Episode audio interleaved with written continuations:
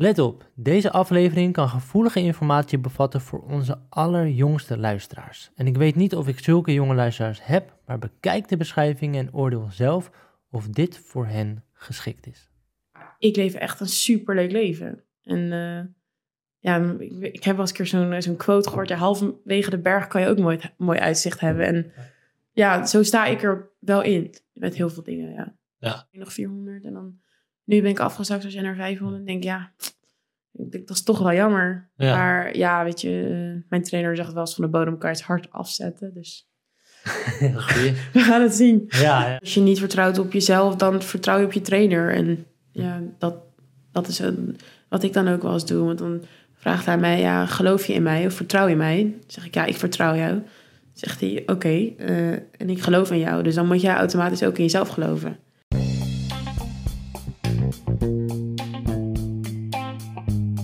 Welkom bij deze aflevering van de Tennis the World podcast. Vandaag ga ik, Hugo Straver, in gesprek met Lexi Stevens. Lexi staat momenteel nummer 191 van de wereld in het dubbelspel en 505 in het enkelspel. Vandaag ga je horen hoe ze het tot zover heeft weten te schoppen, wat ze momenteel doet om het maximale uit het spel te halen, maar ook hoe haar grootste fan, haar moeder, een belangrijk persoon is geweest en blijft voor haar tenniscarrière. We gaan ook in op het omgaan met blessures, meningen van anderen, de financiële uitdagingen op de tour en mentale en fysieke training. Ik vond dit een superleuk gesprek en ik denk dat jij het ook top gaat vinden. En ik kan het maar beter blijven zeggen, want de meeste van jullie hebben dit nog niet gedaan. Abonneer je op YouTube en volg op Spotify. Daar zou ik jullie heel dankbaar voor zijn. Want zowel gasten als sponsoren vragen om deze statistieken. En hoe groter het bereik, hoe beter uiteindelijk de podcast. Dus gratis, heel simpel, binnen 5 seconden kan je op de knop drukken en heb je ons geholpen, maar uiteindelijk ook jezelf. Volg, volg overigens ook Lexi op Instagram en TikTok, zodat je haar journey kan blijven volgen. En mocht je haar als sponsor willen supporten, stuur haar dan via Instagram een bericht. Laten we naar het interview gaan. Lexi, welkom bij de Tennis World podcast. Dankjewel, leuk dat ik er mag zijn. Ja, en um, om maar gelijk uh, te beginnen met een vraag die, waar ik ook altijd heel erg in geloof en waar de, waar de kijkers of luisteraars ook waarschijnlijk heel benieuwd naar zijn, is um, ja, vanaf een jonge leeftijd dan heb je waarschijnlijk bepaalde dingen meegemaakt, gebeurtenissen of mensen om je heen gehad, wat ervoor zorgt dat je staat waar je nu staat. En om gelijk eigenlijk ook een beeld te hebben van wie hebben we nou voor ons nu uh, en wat voor iemand is dat? Ja, wat of wie heeft er een bijgedragen dat jij nu staat waar je nu staat? Um, ik denk dat de belangrijkste persoon mijn moeder is. Um, uh, was, tenminste, en nog steeds is. Uh, door haar ben ik eigenlijk op tennis gegaan. zij was mega tennis en vroeger heel veel getennis. En haar opa bracht haar, ja, nou ja, mijn opa en haar vader, die namen haar altijd mee naar de tennisbaan. En ja, toen is ze mij een soort van op tennis gesleurd. En ik vond hockey eigenlijk heel leuk vroeger. En op een gegeven moment moest ik kiezen. Nou, je kent het bekende verhaal wel. En toen uh, heeft mijn moeder eigenlijk voor tennis gekozen. Oh ja. en, dat was niet aan jou? Nee, ik had niet echt een keuze. Zij vond hockey gewoon niet leuk. En ze wilde gewoon niet te lang langs de, langs de baan, langs het hockeyveld staan. Dus toen ben ik op tennis gegaan. En ja, achteraf heel goed uitgepakt. En um, ja, tot de dag vandaag zijn we samen nog steeds eh, heel veel uh, op het veld bezig. Ja, precies, nog steeds bezig, een team ja. Eh, samen. Ja, ze is nu inmiddels mijn reiscoach ook. Ze is een jaar of twee, denk ik. En ja, dat gaat eigenlijk heel erg goed. Ik heb het heel erg naar ons zin. Ik vind het eigenlijk ook wel speciaal dat ik het samen met mijn moeder kan meemaken. Want ja, vaak clashen toch wel bij heel veel mensen um, met hun ouders. Maar ik ik weet, ik heb het totaal niet uh, hm. met haar Want uh, hoe moet ik dat voor me zien? Uh, ook gewoon qua achtergrond van je moeder? Is ja, zij, zij heeft vroeger, ja, niet zo, niet zo als ik, maar wel top van Nederland altijd een beetje gespeeld. ook Eredivisie gespeeld, maar dan hebben we het wel echt over lang geleden. Sorry, mama. maar... Ja, ze zal sowieso kijken. Grootste, ja. grootste fan natuurlijk. En dus nee, toen is ehm, ja, ze, is niet, ze heeft niet internationaal gespeeld, maar gewoon in Nederland is ze wel goed geweest. En uh, heeft met Michal Schapers ook en uh, nou ja, met hen allemaal uh, gespeeld. En um, ja, toen is ze zelf gewoon gestopt, moeder geworden. En maar nog steeds altijd helemaal liefde voor het spelletje gekregen. En ook fanatiek dan waarschijnlijk. Nog steeds, ja, waar we het al even wat eerder over hebben. Zij, uh, ja, ze stuurt me elke dag al filmpjes door van of het nou technieken zijn of ja. mentale tips of whatever. Ja. We hebben zo'n app uh, op, op WhatsApp met de tennisfilmpjes. En dan gaat eigenlijk elke dag, stuurt ze heel de dag door alleen maar filmpjes Ja. van, oh Lex, dit moet je kijken, dat moet je Ja, kijken. want jij weet nog niet dus of ik al een keer doorgestuurd ben, toch? Ik, nou, ik ga straks even checken, maar ik wil echt 100% wedden dat het wel gebeurt. Ja, ja, precies. ja. Nou, super mooi. ja, en dat is eh, waarschijnlijk ook dat je moeder denkt, ja, ik kan, tenminste ik kan me voorstellen hè, dat je, als je zelf heel erg houdt van het sp- sport tennis, en dat is heel individueel, eh, en nou, ze is natuurlijk helemaal fan van jou, logisch, Ja, welke moeder is dat in principe niet. Ehm, maar dan ehm, heb jij, of ik heb altijd gevoetbald en uiteindelijk ook naar tennis, en dat is gewoon tennis individueel, en dan zie je ook, Ja. je bent zelf altijd in actie, maar zij zal ook altijd met tennis voornamelijk jou ook in actie zien, wat denk ik ook heel leuk is. Ehm, maar jij was gewoon ook vanaf dat moment zo van, oké, prima? Of was er nog wel op dat moment weerstand voor Nou, jou? ik kan me wel heel grappig herinneren. Ik weet nog, die dag was ook dezelfde dag dat ik hoorde dat Sinterklaas niet bestond. Ah, Dus het was echt een soort helse dag. Dat, en Sinterklaas bestond niet en ik moest van hockey af. Dus ik weet nog dat ik in het begin heel erg verdrietig was. Oh, en al mijn vriendinnetjes zaten ook op hockey. Ehm, maar ik vond wel heel snel een leuke groep meiden al bij de tennis. Toen had je nog de instroom, heette dat volgens mij.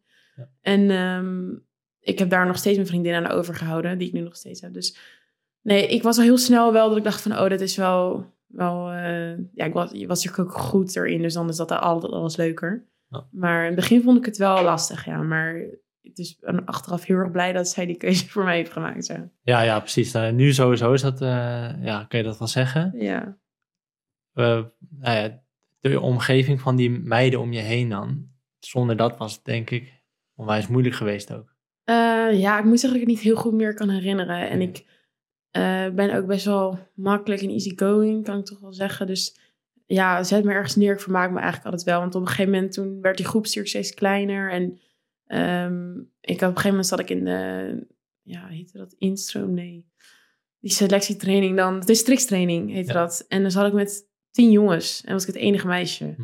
Ja, vond ik ook leuk. Ja, ik weet niet, zet me ergens neer. Ik vermaak me eigenlijk altijd wel een beetje. Ja.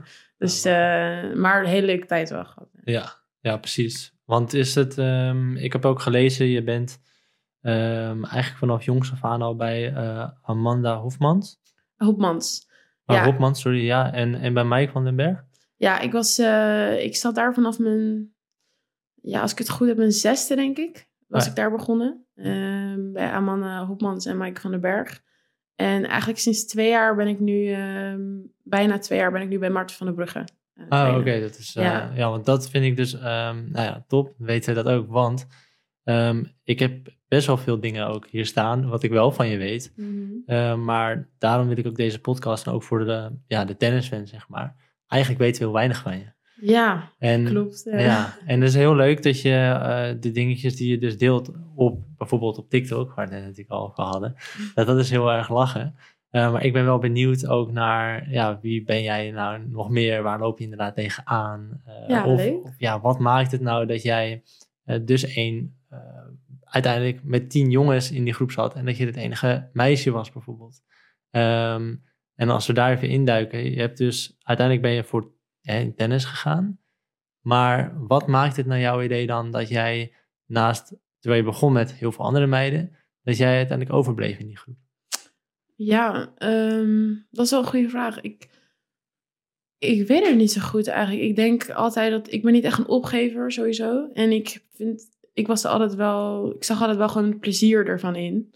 Eh van jongs af aan en nu nog steeds. Ehm, en ik was eigenlijk vroeger eh, altijd wel een beetje onnozel. Een beetje zo van, ja, ik nam het allemaal niet te serieus eigenlijk. Ik was ook, ik kan ook gewoon echt zeggen, eerlijk zeggen dat ik ja, ik werkte helemaal niet zo hard vroeger hoor. Ik deed gewoon een beetje, Hm. ja, ik deed gewoon een beetje allemaal. En ja, met heel weinig kwam ik nog best wel ver. Dus dat denk ik ook wel. En op een gegeven moment, naarmate ik ouder werd, ging ik natuurlijk wel ontwikkelen van dat ik het serieuzer nam. En, maar ik denk het belangrijkste is dat ik vanaf jongs af aan altijd wel gewoon plezier eh, erin zag. En dat dat gelukkig bij mijn familie, bij mijn ouders, dat dat ook wel voorop stond. Dus ik, ik denk wel daardoor, zij legden ook niet echt druk op mij of... eh, dus ik, ik denk, kan wel zeggen, denk dat dat het is, ja. Ja. voornamelijk ook dan het plezier kunnen behouden.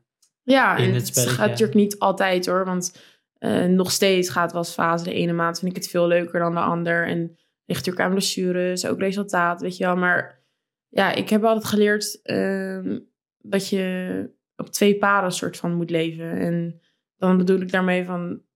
Je hebt een tennisleven, je hebt een privéleven. En als je tennisleven even wat minder gaat, je hebt minder resultaten... of eh, je bent geblesseerd. Het is gewoon, zit gewoon even niet mee. Dat betekent niet gelijk dat je hele leven een soort van slecht is, weet je, of negatief is. En dan moet je soort van schakelen naar het andere pad van, ja, ik heb ook nog heel veel andere mooie dingen. Ik heb eh lieve familie, ik heb eh, leuke vrienden, ik heb, mag reizen, ik mag de wereld zien. Ik, weet je, ik kan doen wat ik het leukst vind als werk. En ja, ik vind dat je gewoon constant zo daarin moet proberen te schakelen. Ik denk dat dat wel is waarom ik gewoon ja, altijd door ben blijven gaan. Dat ik dat vanaf jongs af aan heb geleerd.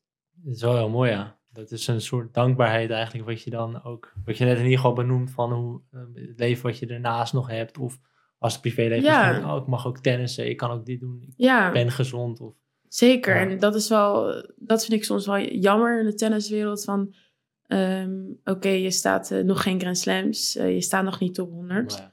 En dan wordt er wel gezegd, ja, maar eh, ja, wat ben je dan? Of wordt best wel klein over gedaan. Terwijl ik denk van, oké, maar mag het betekent niet dat ik nu al niet een heel mooi leven heb. Of heel veel leuke dingen mag meemaken. En daar niet blij of tevreden of trots of mag van genieten of zo. Dat ik dat doe. En dat vind ik wel eens jammer. Dat een soort van, het gaat bijna altijd alleen maar om de top 100 bijvoorbeeld. Of de. Grand Slams halen. Maar ja, ik leef echt een superleuk leven. En eh, ja, ik, ik heb wel eens een keer zo'n zo'n quote gehoord. Ja, halverwege de berg kan je ook mooi, mooi uitzicht hebben. En ja, zo sta ik er wel in. Met heel veel dingen, ja. Ja, want eh, is dat, ehm, als je dan vergelijkt met, ehm, laat zeggen, jij zou er zo naar kijken dat je sowieso, eh, je wil in je leven een keer een Grand Slam winnen.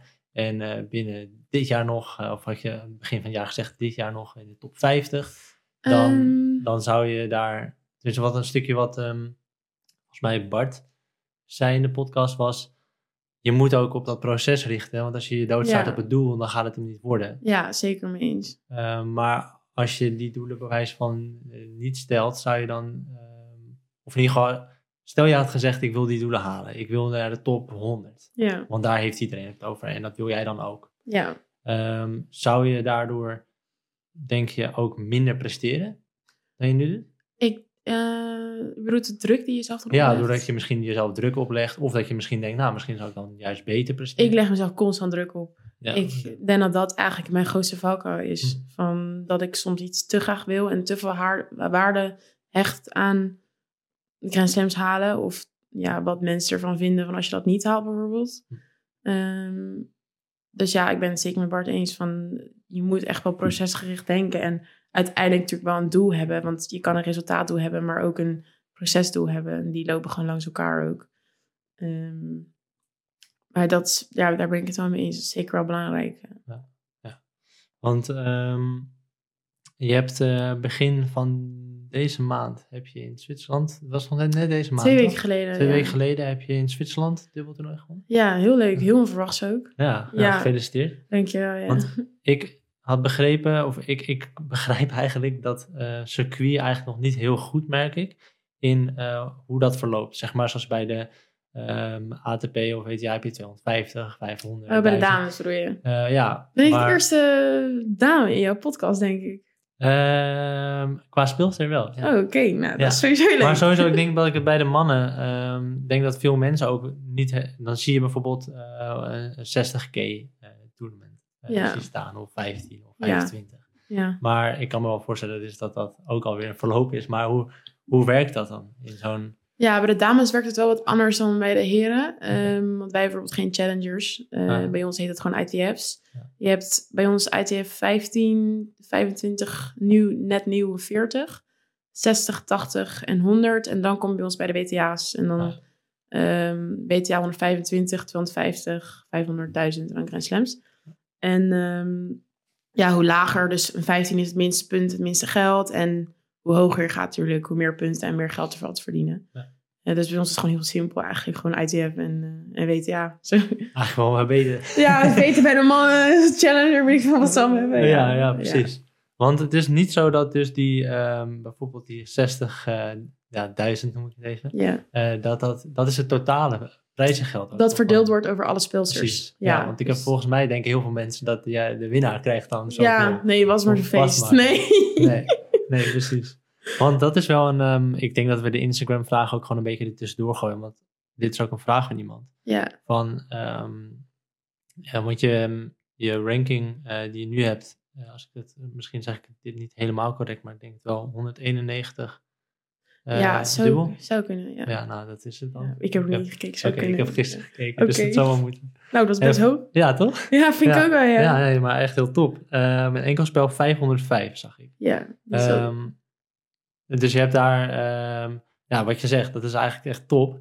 Eh, maar ik heb ook wel eens vaker gezien dat het nog lastig kan zijn qua rondkomen, financiën. ja, Dat is een vraag die iemand heeft. Spookt dat wel eens in je dik hoofd? in het rood. Echt dik Ja, in het rood. Nee, nul winst. Nee, echt, eh, ik kan nergens rondkomen van dit wat ik allemaal nu verdien. Ja, Ik bizar. ben blij als ik kiet speel eigenlijk. Het is wel, ja, het is wel bizar, want ja, waar we het eerder over hadden van, je staat zes of zeven, ik zes van Nederland. En, Hmm. eh, en ehm, ja, bij hockey of bij voetbal, of nou, bij voetbal denk ik voornamelijk, was je dan al dik binnen. En wij zijn gewoon eigenlijk, ja, blut. Ja, ik, Zo. vrienden van mij die zeggen wel eens, ja, ken je? En dan zeggen ze een naam van een, weet ik wel, eh ADO-voetballer. ja, En dan denk ik, nee, ken ik niet. Kijk, op zijn Instagram heeft hij een half miljoen volgers. ja, het is echt. Bijvoorbeeld, heel gek. Maar hoe, je hebt je doelen, eh, je legt jezelf, eh, of je, in ieder geval je legt jezelf heel veel druk op. Maar die druk kan dus ook inderdaad nog eens extra komen door de financiële aspecten. Ehm, Valt dat wel ja, ik heb gelukkig wel een aantal sponsors waar ik heel erg dankbaar voor ben.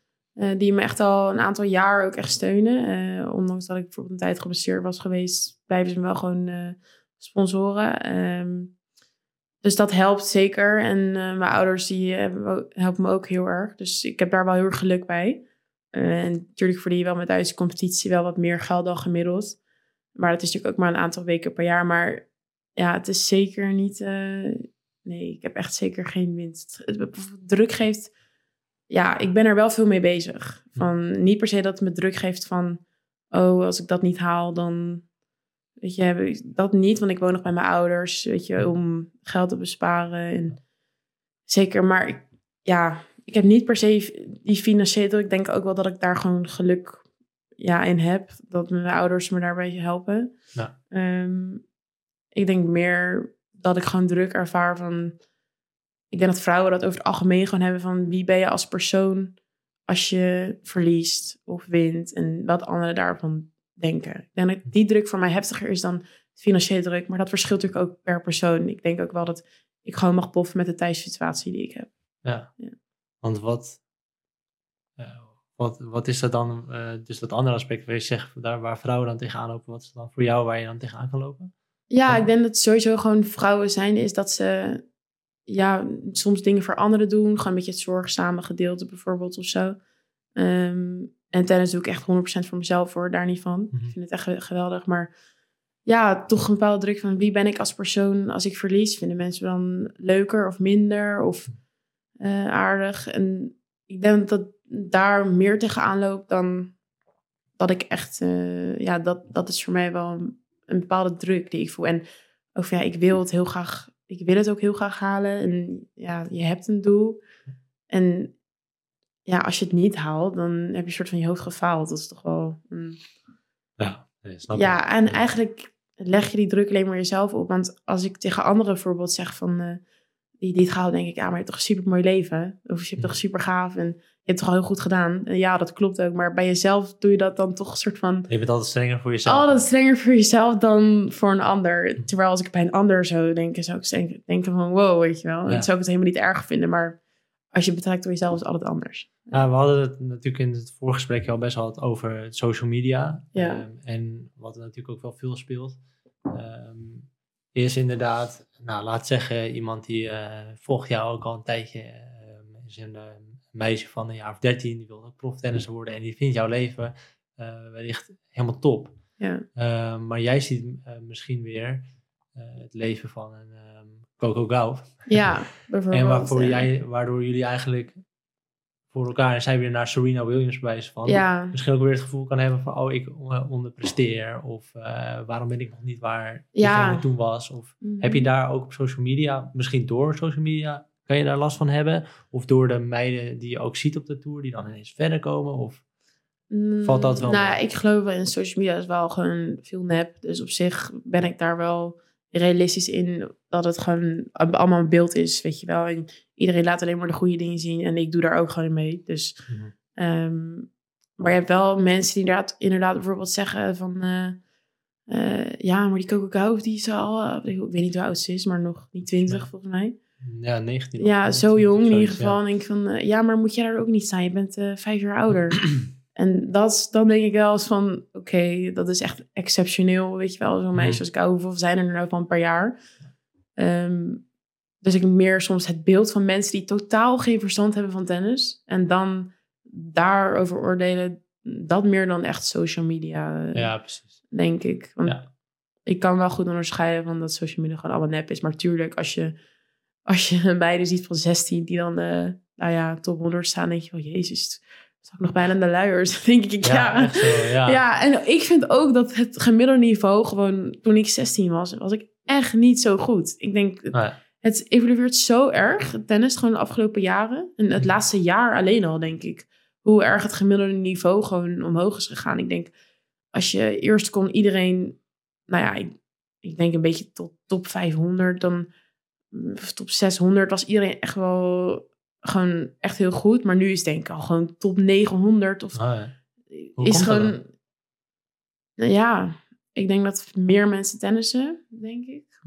Meer meiden tennissen gewoon. En ehm, ja, ik, ik vind het toch, ja, misschien ja, meer, meer tennissen. Ik, ik weet het niet zo goed eigenlijk. Hoe, hoe dat kan. Ik, ik heb zelf het Ik- idee dat er bij veel meer mensen een drang is naar ehm, succesvol willen zijn. Ehm, of bij ouders misschien ook wel. Van, oh, dan willen we, als we die op tennis, eh, en ze zijn ook zo van, dat ze echt de beste worden. En dat het ook misschien bij veel meer mensen speelt. ja, maar ook gewoon iedereen serveert harder, Ah ja, beweegt beter. dingen- dat soort gewoon Ja. inhoudelijke dingen. Dat vind ik al. Ook door technologie of door kennis over Ja, training. of fysiek, hoe het gewoon allemaal evolueert en zo. Dat, dat vind ik gewoon heel erg hard gaan momenteel. Ehm, ja, eerst als je een rondje naar 15, eerst dan kwam je wel gewoon makkelijk wel tot de halve van een 15 of zo. Of tot de kwartfinale, dan hoef je niet heel veel te doen. En nu, ja, eerste rondje, dus al eh, kan echt wel gewoon pittig zijn. Iedereen is gewoon goed momenteel. Dat is wel echt opvallend. Ja, want jij hebt ehm, eh, daarin heb je in dat opzicht ook dat je druk voelt dat er steeds meer mensen van in die lijst willen komen of de plek komen waar jij ook voor vecht. Eh, nou, ik heb zeker wel rankingdruk. Ik eh, stond een paar maanden geleden hoger dan dat ik nu stond. Eh, ja, daar ben je dan toch wel mee bezig. Het is nooit leuk om te zakken qua ranking. Ehm, dus dat speelt zeker in mijn hoofd, maar niet dat ik denk van, oh, oh, zij mag niet boven mij komen staan. Of rivaliteit, want ja, het is allemaal gewoon één op één. Als een Nederlands meisje het heel goed doet, vind ik alleen maar leuk voor haar. Want het staat helemaal los van mijn, Ja. mijn eigen carrière en mijn succes. Dus niet betrekking tot een andere persoon. Maar ja, bij mezelf ben ik natuurlijk wel bezig van... Ah shit, ik stond vorig jaar eh, 400. Of nou, een paar maanden geleden nog 400. En dan nu ben ik afgezakt als jij naar 500. En denk ja, ik denk, dat is toch wel jammer. Ja. Maar ja, weet je, eh, mijn trainer zegt wel eens van de bodem kan je het hard afzetten. Dus we gaan het zien. ja, ja, is zo. Want eh, wat doe je dan ehm, een beetje in jouw, in jouw week? Ehm, ja, wat zijn je routines die je dan toepast of de trainingen die je doet om wel te zorgen dat je in ieder geval zelf groeit? Of dat nou met je ranking is eh, of dat je eh, zelf Ja. beter gaat spelen. Nou, het is wel leuk. Ik ben nu sinds een paar maanden eh, bezig met mijn trainer om eh, ja, iets aanvallender te tennissen. Ik ben best wel van mezelf eh, ja, gewoon een neutraal, verdedigend persoon. Ik vind het gewoon leuk om te rennen eigenlijk. En Ja. te wachten op de fout van de ander. Ik ben niet echt ingesteld op winnaars maken. Ehm, en daar kwam ik heel erg hoog mee. Alleen ja, top 100 of top nou, Slams halen, daar moet dat gewoon wel gebeuren. En daar zijn we nu sinds een paar maanden mee bezig. En het is heel moeilijk, vind ik zelf. Zowel gewoon qua slagen die je moet gaan beheersen, als mentaal. Dat je toch overheen moet zetten om ja, fouten te durven maken. Of ja, durf te investeren. En ehm, denk dat de laatste weken wel, wel goede kant op gaat qua niveau. Eh, wat Bart ook al zei van ja, weet je wel, een procesgericht, dat is dan mijn proces waar ik nu in zit. Om ja, toch aanvallender tennis te, te spelen. Ehm, maar ja, dat zijn wel wat ik al zei van ja, ik verlies wel meer daardoor. Omdat ik toch, ja, ik kan het niet in één, één maand of twee maanden. Op korte termijn is dat misschien ook de reden waarom Ja, je... Ik, ja, ik ben nu wel op korte termijn aan het afzakken maar, afzakken. Maar ik geloof erin dat ik op lange termijn wel...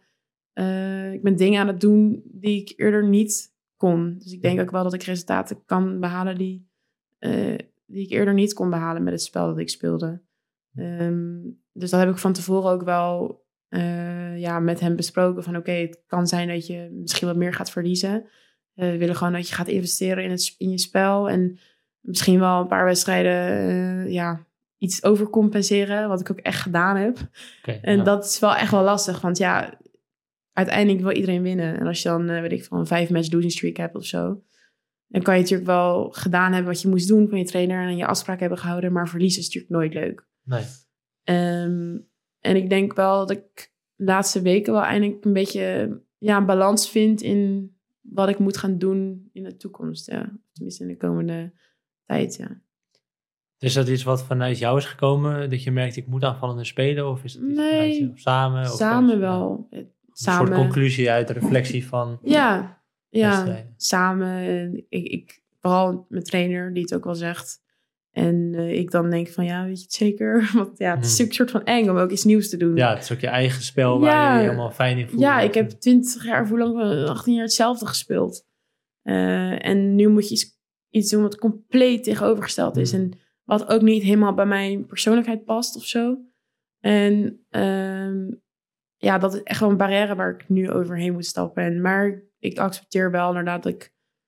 Oké, het is echt heel vervelend dat je ranking erop, maar ik heb het wel een soort van geaccepteerd. Ze.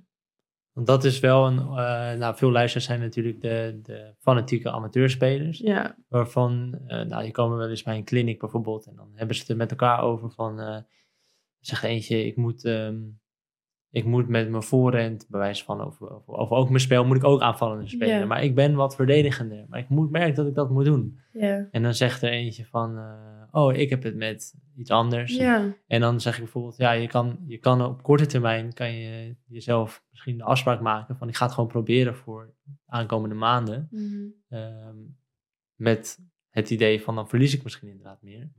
En toch zeggen ze altijd wel van, ja, maar dan sta ik daar. En dan merk ik toch dat ik terug ga naar mijn oude patroon, Ja. omdat ik dat op, kort, op korte termijn dan weer kan winnen. Maar heb je Ja. dat, ja, voor jou is het natuurlijk veel belangrijker om die stappen en die keuzes te maken. Is dat niet onwijs moeilijk als je daar dan staat en denkt, Ja, ah, ik kan het ook op een andere manier doen, op mijn oude manier. Zeker, dat is wel grappig. Ik heb dan dit jaar vier keer tegen een meisje gespeeld. Hetzelfde meisje. Dat is, eh, Dat veel. is veel, ja, Ja. Dat is heel veel. Eh eerst twee keer speelde ik bij oude manier. Hm. Won ik twee keer. En de laatste Hmm. twee keer, eigenlijk sinds ik bezig ben met, ja, met investeren en meer, ging ik er dik af. Echt dik af. Ja, dat was echt niet leuk. Dat is echt gewoon, ja. En En- voelt het dan ook dat je verliest, vooral door inderdaad je eigen spel, een beetje van jezelf, je eigen speelstijl op dat Eh, moment? Of? Meer gewoon dat je heel erg zoekende bent. Hm. Zo van, ik weet soms niet helemaal goed nu nog wie ik ben op de baan of wat ik moet doen. Het is gewoon niet heel duidelijk nog allemaal. Ja. Ehm, dus ja, het is gewoon, het is meer omdat je een beetje, ja, gewoon nog niet overtuigd genoeg bent. En ik denk ook niet constant genoeg in bent in, in wat ik nu moet gaan doen. Ik kan het wel, alleen ik ben er, tenminste ik kan het inmiddels gelukkig. Er zit ook wel een paar maanden in al, maar ik ben er niet constant genoeg in, waardoor ik inderdaad ja, dat soort wedstrijden win. eh, nu. Maar wat je zei klopt wel. Van, ik heb wel een aantal afgelopen we- weken heb ik wel wedstrijden gehad dat ik dacht van, oké, dit kan ik op mijn oude manier ook winnen. En dan zit ik heel erg soort van op een soort van wigwacht van, oké, wat ga ik nu doen? Ja. Ga ik terug naar hoe ik het was of niet? En de ene wedstrijd, moet ik eerlijk zeggen, lukt het me wel om in, op, eh, op eh, of lukt het om eh, procesgericht te spelen. En dan verlies ik hem bijvoorbeeld. Ehm, maar ja, dan kan ik wel achteraf zeggen, oké, ik ben wel blij. Ik heb het wel goed gedaan. En vorige week dan speelde ik bijvoorbeeld net iets meer op mijn instinct. En gewoon op mijn oude spel eigenlijk. Toen won ik wel, maar het was niet dat ik dan... Ja, heb ik ook niet echt een goed gevoel aan overgehouden. Ja, dat is het ook vaak, ja. Ja, Ik zeg Dus- dan tenminste bij zo'n bij zo'n persoon bijvoorbeeld van eh, of je, eh, of je, wat zei ik nou, je wint, of je wint de wedstrijd, of je wint je, je backhand, als dat het geval Ja. is. Want diegene moet oefenen. Ja. Ja.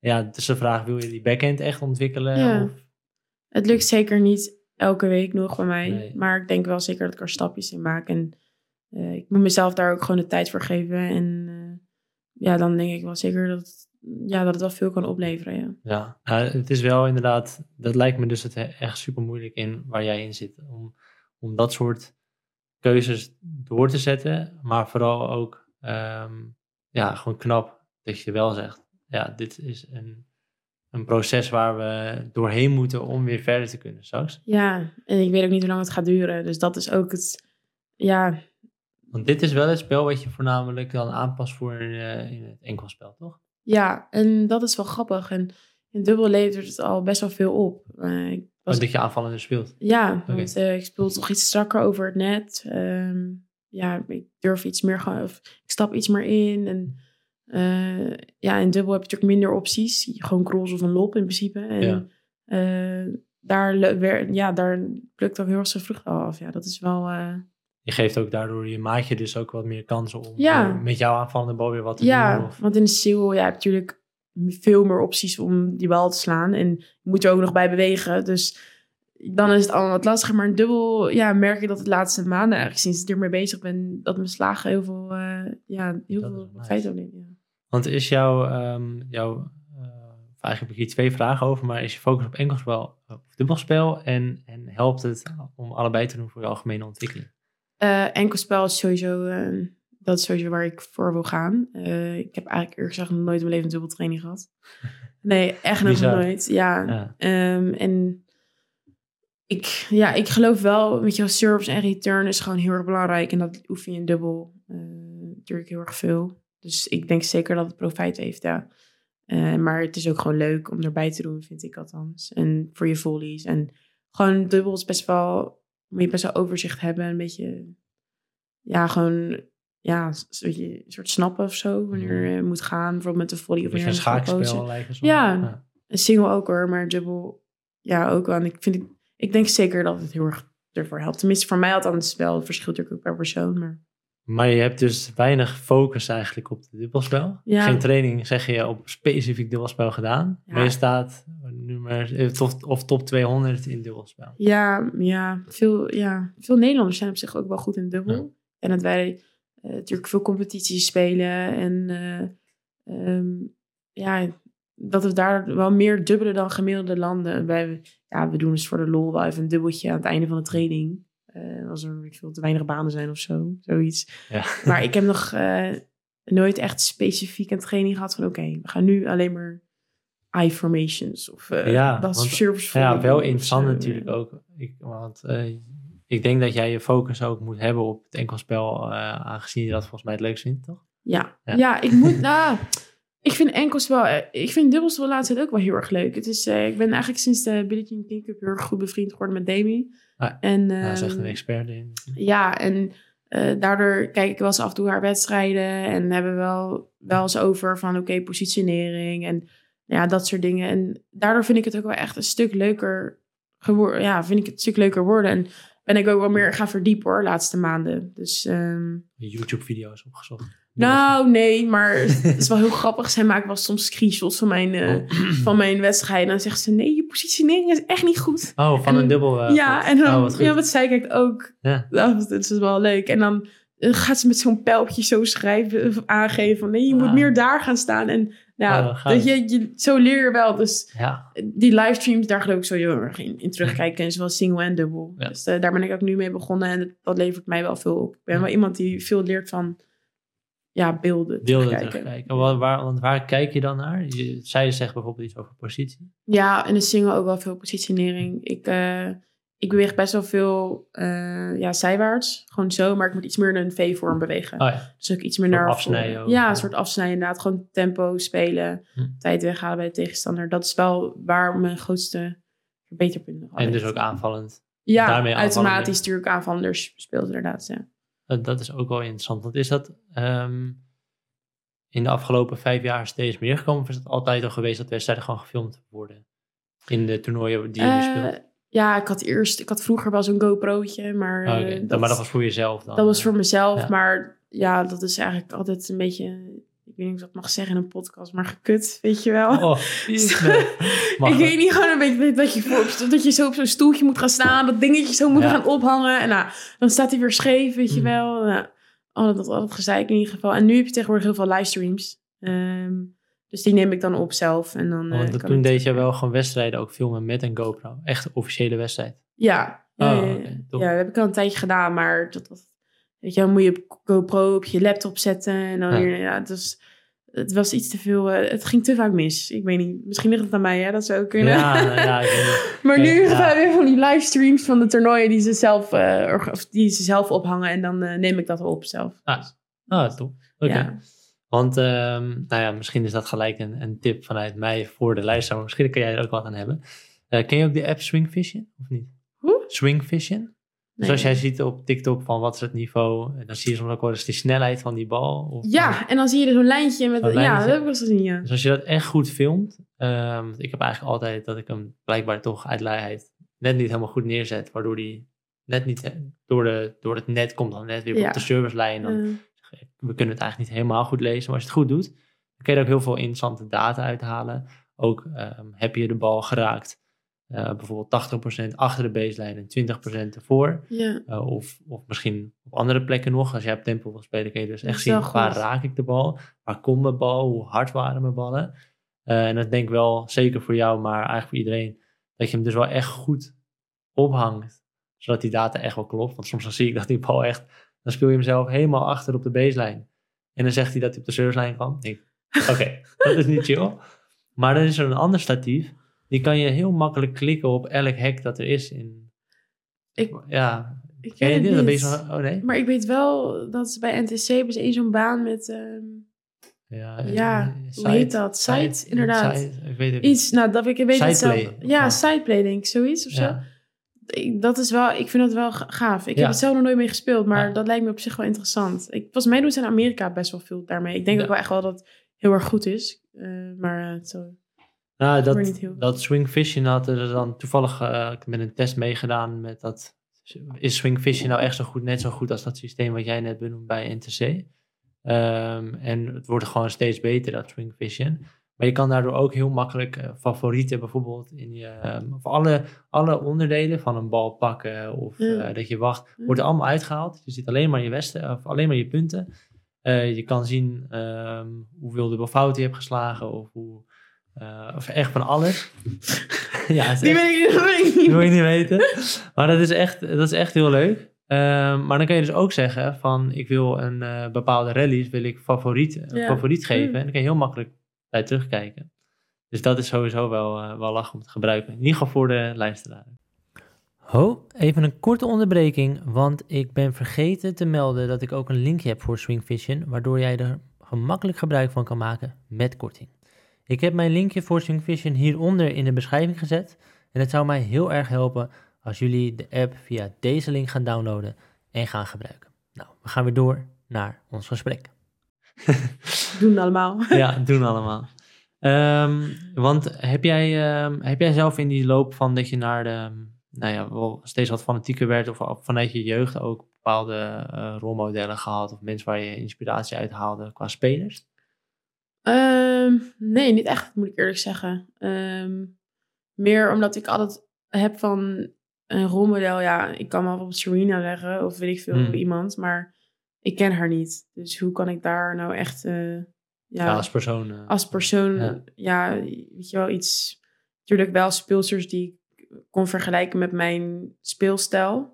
wie waren dat Eh, dan? nou, voor, ik denk dat Kiki best wel naar de buurt komt. Oh, ja. Tenminste, ik kom in de buurt van haar, zij niet van mij. Ja. Ehm, Ah, je, ja, hebt nog, je hebt nog een carrière voor je. ja, nou, als het zo gaat. Nee. Eh, en ik heb dan echt geluk dat ik eh laatste jaar eigenlijk eh, closer ben geworden met haar. Dus ja, dan denk ik dat zij ja, best wel in de buurt komt van een rolmodel. Maar ik, ik vind het lastig, omdat ja, ik vind dat je iemand wel persoonlijk moet kennen. En ik heb, zoals ik al zei, een tijd gewerkt met Amanda. Ehm, en die heeft zelf ook hoog gespeeld, was nummer 72 van de wereld. Dus zij kan voor mij dan wel in de buurt. Want ja, dat was het meest dichtstbijzijnde persoon voor mij. eh, waar ik gewoon dingen aan kon vragen of die het al had meegemaakt. Ja, ik kan niet zeggen dat Wozniacki mijn rolmodel is of zo. Want ja, ik ken haar niet. Ja, nee, precies. ik vind wel eh, dat je een beetje ja, die persoon moet kennen of zo. Ja. Eh, Ja, want zij is wel, denk ik, eh, als je Wozniacki zegt, wel een speelster die eh, niet super aanvallend is. Nee, ja, ik, bijvoorbeeld, ja, ik vond haar, ik keek wel heel graag naar haar. Ja, Ik keek liever naar haar dan naar, eh, naar Serena, maar dat is natuurlijk gewoon persoonlijk, omdat ik me dan Ja. niet helemaal hetzelfde, maar iets meer kon identificeren met haar spel, inderdaad. Ehm, dus ja, ik, ik keek wel meer naar bepaalde meiden, maar een echte rolmodel heb ik nooit echt gehad, eh, moet ik eerlijk zeggen. Nee. nee. Want ehm, eh, Amanda is dan iemand die daarin wel, nou, die, trainster is, is, is geweest. Ben je dan Ja. gestopt met haar nu? Ja, sinds eh, anderhalf jaar, twee jaar zoiets. Ja, maar wel, eh, ja, hoe moet ik even rekenen nou? 15 jaar samengewerkt. Echt Dat heel is wel lang. wat ik gelezen had, ja. Ja, is heel lang. Ja, echt heel lang. Ik, Oh, dat is mijn... Oh. Siri. Siri is er ook bij. nee, ja, wel heel lang bij dezelfde... Bij, nou ja, heel mijn leven eigenlijk eh, gespeeld bij Amanda en Michael, ja. En eh, nu dus is het in korte tijd gestopt, maar een hele goede tijd gehad. En Ja. ik sluit ook zeker niet uit dat het... eh, dat de samenwerking eh, helemaal 100% voorbij is. ja, Ik bedoel, ik ben best wel iemand van... Als je zo lang met elkaar hebt gewerkt... ja, het is best wel een speciaal iets, denk ik. Heel, Mhm. niet heel veel mensen zijn heel lang met dezelfde. Ehm, ik vind dat wel ja, belangrijk. Wel, eh, ja. nog steeds heel erg goed contact, gelukkig. Dus, Want ehm, wat is ook, je hebt, we hebben natuurlijk het technische, tactische, fysieke, mentale. Ik denk dat je wat je net al noemde, vooral tactisch is, hè, van aanvallender ja, gaan spelen.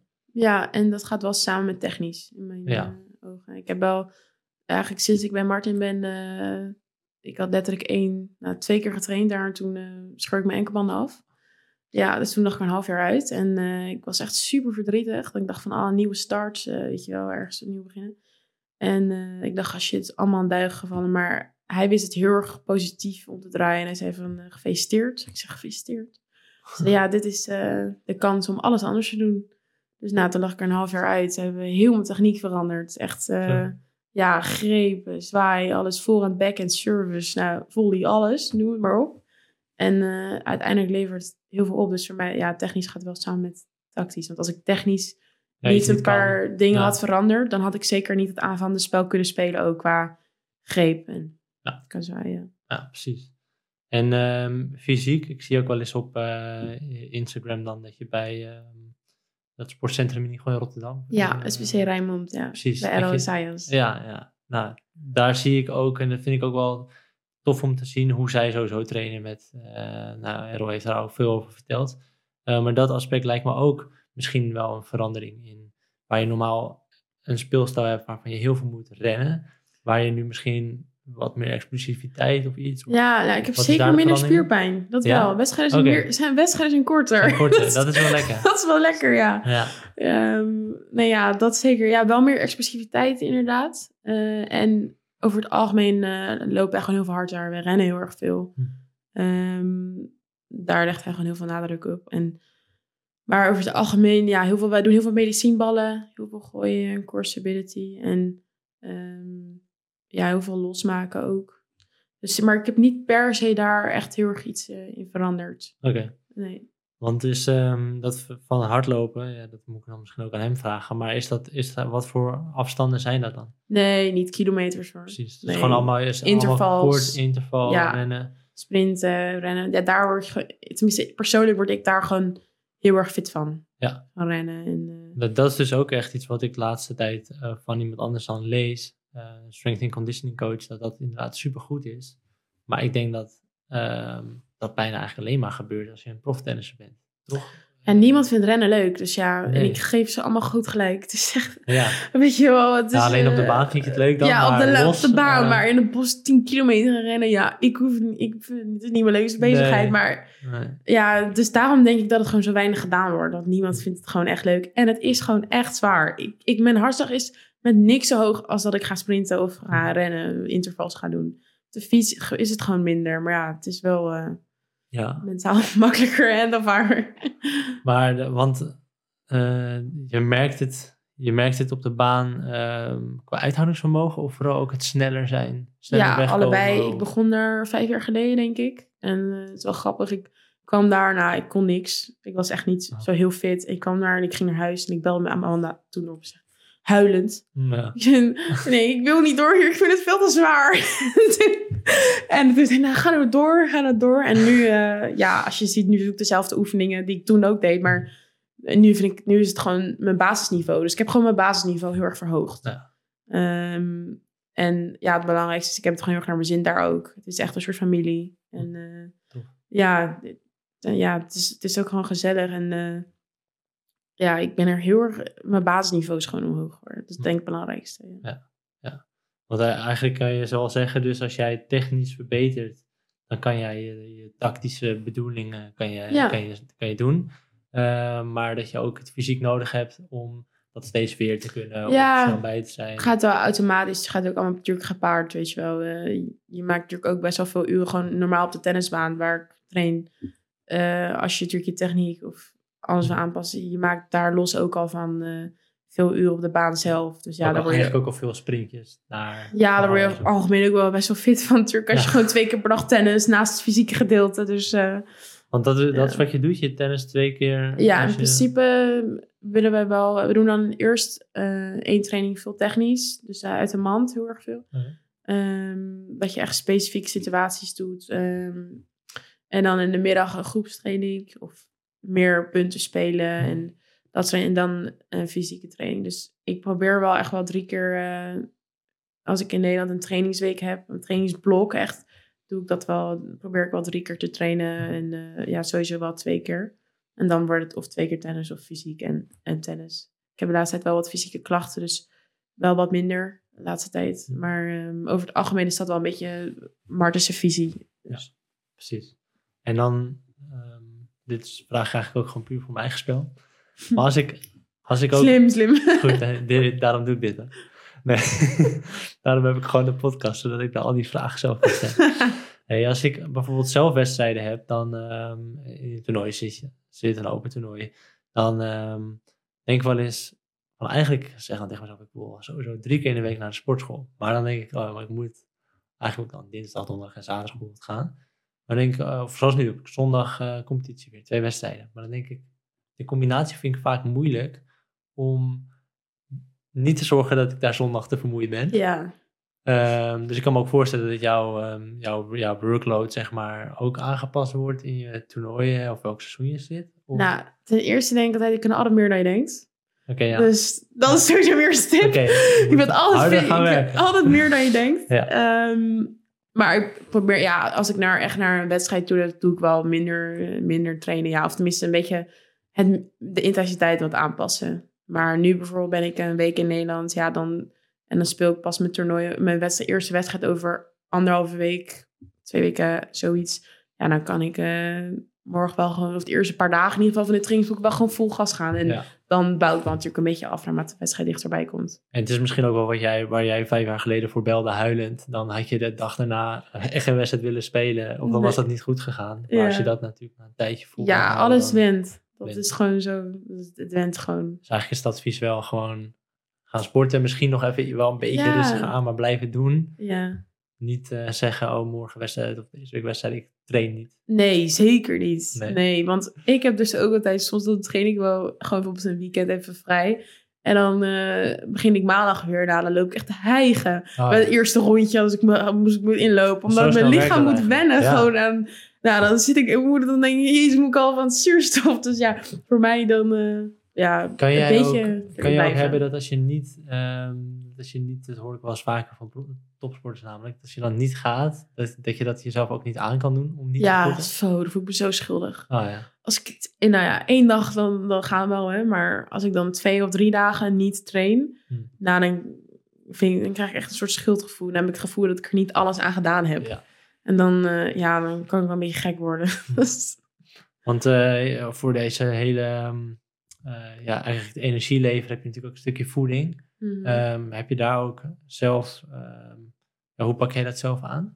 Eh, ja, ik, ver, ik heb me vanaf jongs af aan al best wel verdiept in voeding. Ik heb best wel iemand met aanleg, dus ik moet er altijd wel gewoon op letten. Eh, zelfs naast het sporten. Dus eh, ja, ik ben er wel veel mee bezig. Ik probeer wel gewoon gezond mogelijk te leven. Drink ook weinig tot geen alcohol. Ehm, ja, voor mij persoonlijk is dat wel gewoon echt wel een belangrijk dingetje. Als ik gewoon niet gezond eet, dan voel ik me ook gewoon minder op de baan. Beweeg ik minder. Voel ik me minder lekker in mijn vel. En ja, dan weet ik niet. Ja, nee, gaat- tuurlijk. Het, het is wel Als je minder lekker je vel voelt, ja. ja. dan gaat alles wat minder. Want wat zijn praktische, ehm, zijn er bepaalde dingen die je kan noemen wat jij dan ziet als dat eet ik of dat zouden mensen goed zijn om te eten voor een wedstrijd of wat je Ja, mijn key is echt gewoon havermoutpap. eet? Ja, ja, dat is echt mijn soort... eh, dat eet ik gewoon elke dag. Ja, Ja. Dat is echt, ik heb dat sinds anderhalf jaar zo een beetje ingevoerd in mijn Oké. schema. Ja, dat is echt eh, lekker vullend. Het is lekker. Kan, energie. goede energie, lang vol. Ik, ja, daar ga ik heel goed op. Ja. En dat is, ehm, dat is je ontbijt dan? Of is het ook Ja. als je in de middag bij zo'n Nee. uur moet spelen? Nee, mijn ontbijt wel. En eh, ja, voor het voordat ik ga trainen neem ik eigenlijk veel koolhydraten. En daarna neem ik eiwitten. En nauwelijks tot geen koolhydraten meer daarna. Want Ja. ja, misschien Voor herstel. en- voor herstel doe ik dan eiwitten. Maar eh, en natuurlijk wel een beetje aanvullen. Maar in principe probeer ik mijn koolhydraten ervoor te nemen. Ja, precies. Ehm, en wat je ehm, dus af en toe wel eens mee te maken hebt, zijn blessures. Ja, helaas best wel veel, ja. Hoe, Ja. hoe is dat ook? Ja, ik weet niet. Kom je erachter hoe dat komt? Of? Ja, ik denk wel dat het. Ja, sommige mensen hebben er gewoon sneller last van dan de ander. Ehm, ik ben er gewoon toevallig heel gevoelig voor. Ik heb ook altijd dezelfde blessures die terugkomen. Dus ik denk gewoon dat ik een paar zwakke plekken heb in mijn lichaam. En eh, ja, die probeer ik heel, heel, lang heel goed te onderhouden. Maar eh, ja, als je natuurlijk veel traint, dan komt er op een gegeven moment punt dat het gewoon eh, ja, niet zo doorgaat. Ik zit nu al sinds eerste week januari met een heftige voetblessure. Ehm, ja, eigenlijk al heel het jaar gewoon niet 100% fit. Eh, de ene week gaat het beter dan de ander, maar ja, voornamelijk wel heel slecht hoor. Niet aanraden, veel pijnstillers spelen. Ehm, ik hoop dat er het einde van het jaar eindelijk een einde aan komt. Als ik eh, met een arts er echt goed naar ga kijken en een lange periode even rust neem. Dus eh, mijn, ja, mijn, mijn seizoen zit er ook wat eerder op dan gemiddeld Hm. Eh, dit jaar. Maar ik denk wel dat het nodig is om echt 100% fit te zijn. Want ja, op dit niveau merk ik gewoon dat als je niet nee, 100% of richting daar gaat, Hm. qua voetenwerk alleen al, ja, dat je gewoon nee, Nee. niet meer. En eh, dat is wel ook een beetje een ding geweest bij mij afgelopen jaar, wat wel meegespeeld heeft van... Ja, gewoon net niet, net niet, weet je wel, vertrouwen in je lichaam. Ehm, ja, dat is wel eh, helaas iets wat eh, nu wel dit jaar ook eh, speelt. Ja. Dan is dit nu wel waarschijnlijk een periode die het best past qua seizoen. Ehm, Ja. Wat is dan vanaf... Wanneer, ga, wanneer is die periode die je waarschijnlijk in ik denk wel vanaf oktober, november. Dus Oké. eh, ja. normaal stop je een beetje in december, denk ik. Oké, dus heb je drie maanden. Ja, en dan wil ik in januari wel gewoon weer 100% fit zijn, hopelijk. Ja. Want eh, als je sowieso bepaalde pijntjes hebt die terugkomen, zei je net, eh, die wil je hem, eh, of die, die geef je aandacht, ik weet niet precies hoe je het zei, maar wat is dat dan? Is dat mobiliteit? Ja, veel meer mobiliteit, masseren, losmaken, maar ook trainen. Dus ja, ik heb er nu erg last van mijn bijvoorbeeld. Dus ik doe ook echt teenoefeningen. Ja, ik had er nog nooit van gehoord Oh ja. voordat ik het ging doen. Ja. Maar ik zit dus in de gym dan voor mijn teen. Ja. Dus- Keihard aan het zweten. Ja, ik ken dan zweten. Nee, het is echt vermoeiend. Ik Hm. dacht echt, eh, nou ja, dat doe ik wel even. Maar, Maar wat voor iets moet je doen dan? ja, heel niet bijzonder. Ja, nee, ja, gewoon een touwtje. Ja, het doet gewoon echt eh, een beetje zo met je teen dan Ah, en zo. oké. En eh, Ja. drukken met je teen. En nou, dingen oprapen met je voeten. Dus Oh, ik ja. ben er wel vrij handig in Hm. geworden. Ah, Maar ja. ik dacht ook echt toen die arts me dat vertelde, dacht ik, waar heb je het over? Maar Ah, ja, dus... ah, eh, we hebben wel eens een ehm, eh, jongen, ook in de, Jeroen Bouwman is dat, eh, in de podcast gehad. En die had het er een stukje over sterke voeten hebben en hoe belangrijk dat is. Omdat alles vanuit de voet ook begint. Ja, eigenlijk heeft Eh, ja, een punt. ja, daar heel snel ook, ook pijntjes weer kunnen ontstaan door als iets niet goed is in de voeten. Wat Ja. ook weer interessant is natuurlijk bij jou. Ja, ik weet niet echt. Heel veel mensen natuurlijk zeggen het ook over die drukpunten altijd. Dat eh, Ja, je voet ja. natuurlijk verbonden zijn met alles de rest van je lichaam. Ja. Ik weet niet per se of ik daarin geloof, maar het zal wel iets van een keer van waarheid hebben. Maar ehm, ja, ik merk wel, ja, als je voeten gewoon niet lekker zijn, dan ga je natuurlijk compenseren. En dan lopen. krijg je weer last van je rug en dan krijg je weer Mm. last daarvan. Dus ja, dat eh, is zeker wel een ding. Ja, precies. Yes, we onderbreken heel even de podcast, want ik wil je op de hoogte brengen van het progressieprogramma. En het progressieprogramma is het online programma waarin jij altijd en overal stappen kan blijven maken in je spel of voor jou als tennisleraar. We hebben namelijk het progressieprogramma voor spelers en het progressieprogramma specifiek voor trainers. Nou, voor de speler kan je modules vinden waarin we ingaan op doelgericht vrijspelen, het mentale aspect, technisch, tactisch, fysiek. Je kan bijvoorbeeld tennis-specifieke workouts doen of meer leren over hoe je nou ervoor zorgt dat je service vaster wordt, sterker wordt, sneller gaat. En je kan in contact komen met andere fanatieke tennissers. En voor jou als trainer is het natuurlijk belangrijk dat je je blijft ontwikkelen en dat je leuke lessen blijft geven, nieuwe oefenvormen leert kennen en je kennis in tennis blijft verbreden. En ook daarin kan je elke maand een PO-punt behalen als KNLTB tennisleraar. Dus ga als fanatieke speler of gedreven trainer naar www.tennisworld.nl en gaan we nu door naar de aflevering. Hey, en je hebt um, dat je voor mijn beeld en ook hoe je nu overkomt, maar ook wat ik op social media zie, dat het heel vrolijk ben je en uh, energiek. Uh, maar ik kan me ook voorstellen dat er dus mindere momenten zijn. Zoals je vertelde over je blessure. Of dat je bijvoorbeeld um, fases hebt gehad waarin je zegt... ja, toen had ik een fase waarbij ik tennis niet leuk vond. Um, ja, hoe ga je daar dan mee om als jij zo'n blessure hebt... of als je een mindere fase hebt in je tennis? Ja, die fase heb ik zeker wel gehad. Ik denk wel dat wel één keer per jaar of misschien wel meer normale... heb je echt wel momenten dat je er gewoon even totaal geen zin in hebt... of inderdaad een blessure en... Um, uh, ik had bijvoorbeeld uh, twee jaar geleden, dus toen ik, uh, ben ik verwisseld van trainer. En een van die redenen was ook dus dat ik gewoon er even ja, een nieuwe start nodig had. Nieuwe, iets nieuws, dat ik gewoon een beetje in een bepaalde sleur terecht kom, kwam. Um, dus dat is zeker wel iets dat je denkt van oké, okay, misschien iets fris, iets nieuws om ja, um, een beetje ja, uit zo'n soort put te komen, denk mm -hmm. ik.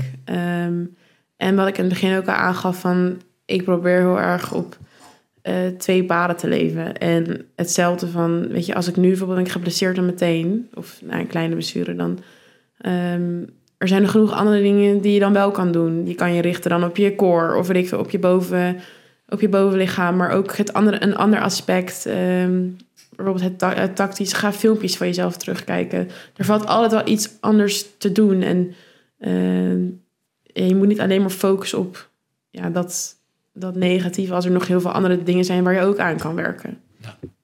Niet alleen maar de, de, mindere punten zien, maar ook gewoon, ja, inderdaad, werken aan wat wel kan. Ja. Vooral in mogelijkheden denken eigenlijk. Ja, en die, zeker die mindere punten zijn hoor, want ik heb die nog steeds. Ik denk dat ik elke dag wel uh, aanloop tegen bepaalde negatieve gedachten of druk of ja, misschien toch wel een soort van trauma's of zo van, van vroeger waar je ja, ik denk dat elke persoon dat wel heeft. Een soort van, uh, ja, een soort uh, gevechtje of zo in, -hmm. in jezelf. En um, ja, daar moet je dan zich ja, accepteren en uh, kijken of je kan focussen op iets anders. Ja. ja, want wat zijn dan voor jou dingen die je, of bijvoorbeeld je hebt noemt trauma's die je hebt, van, wat misschien iedereen ook heeft hoor, waar die dan tegenaan kan lopen. Maar wat heb je dan voor jezelf waar jij ja, wat je hebt meegemaakt of waar je nu wel eens tegenaan kan lopen? Nou, ik denk dat het bij tennis al met iets heel erg kleins kan zijn. Het kan bijvoorbeeld al zijn met een vijf of met een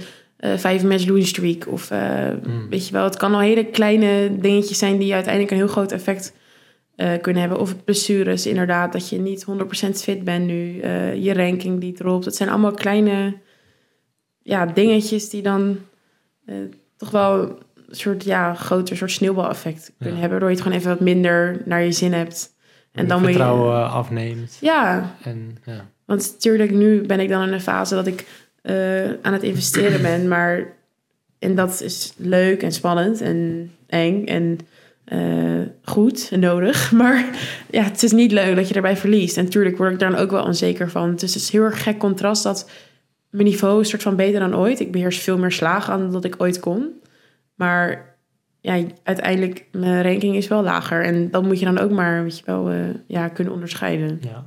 En er zelf weer op vertrouwen dat, dat dat dan gewoon weer, weer bij gaat trekken eigenlijk. Ja, als jij beter bent dan... Ja, en als je niet vertrouwt op jezelf, dan vertrouw je op je trainer. En ja, dat, dat is een, wat ik dan ook wel eens doe. Want dan vraagt hij mij, ja, geloof je in mij of vertrouw je mij? Dan zeg ik, ja, ik vertrouw jou. Dan zegt hij, oké, eh, en ik geloof in jou. Dus dan moet jij automatisch ook in jezelf geloven. En Ah, op die manier, ja. ja, en dat is ook wel iets wat mij een soort van, ja, een soort van steuntje in de rug geeft of zo. Dat is wel tof, ja. Want als jij... ehm, want he- heb jij... We hebben, het, we hebben het kort geleden ook al heel veel gehad over dat, dat belang van het technische, tactische, fysieke. Maar op mentaal vlak, dat vind ik best wel iets mentaals. Wat hij je daar dan vertelt Ja, eh, qua begeleiding. Ehm, maar is er ook specifieke hulp bij voor jou? Hoe je dat mentaal... nou, topsport is sowieso enorm mentaal. Ja. Ja, ik, eh, ik weet niet hoe het leven is na, na, na tennis. Maar ehm, ja, ik, eh, of in ieder geval in een andere job, dat heb ik natuurlijk nog niet meegemaakt. Maar ja, het is eh, veel. Het is wel echt constant dingen aanpassen. Maar ik ben wel al best wel lang al bezig met een mentale trainer ook. Ehm, niet alleen voor sport, maar ook voor privé. Gewoon, ik denk dat het heel erg goed is dat je één keer in zoveel tijd gewoon even... ja, vraagt van oké, hoe gaat het wel? Of, hoe, Ja, of hoe, is het gewoon, hoe is het hoe is het gewoon eigenlijk? Ja. Ja. en ook als het goed gaat. Want dat is denk ik een fout. Zowel met blessures bijvoorbeeld. Ja. eh, of als met mentaal. Van dat als het eenmaal goed gaat. Of je haalt succes of zo. Dat je dan het eigenlijk een beetje je routine soort van laat. Ja, we En- wachten eigenlijk totdat het weer Ja, en wachten tot het weer fout gaat. En je moet eigenlijk gewoon heel erg constant blijven in ja, waar je mee bezig bent. Ook al gaat het heel erg goed. Of ja, wat minder. Ja. Ja. Ehm, Want wat zijn eh, mentale... eh, ik bedoel, inderdaad, ik, ik geloof daar ook zeker in dat je gewoon puur als persoon, als jij al lekker in je vel zit, dan ga je beter spelen en heb je ook minder ruis op de lijn, zeg maar, voor ja. als je ook tennist. Ehm, en dan zijn dat nou, dus gesprekken voor, over jou als persoon. Hoe gaat het met je? En dan kan jij je of kwijt waar je tegenaan loopt. Nou ja, ik denk niet per se dat... ehm, ik heb dan een mentale trainer die totaal niet wil dat ik in een slachtofferrol zit. Dus Ja. ik ben totaal niet zielig als ik, eh, weet ik veel, even vijf match doing streak heb. Het is gewoon een realiteit, punt. Ja. Dat is het. Hm. Ehm, en ik denk dat soms moet je ook gewoon ja, eh, op je bek vallen en dan eh, ja, weer opstaan. Ik denk dat hij, en dat voor mij gewoon heel erg werkt, dat ik eh, rationeel ben en denk van oké, wat ziet de camera, wat is realiteit? Hm.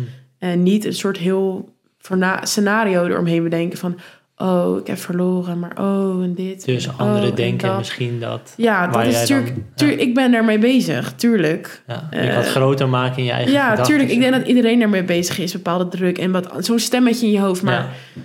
Ja, het gaat...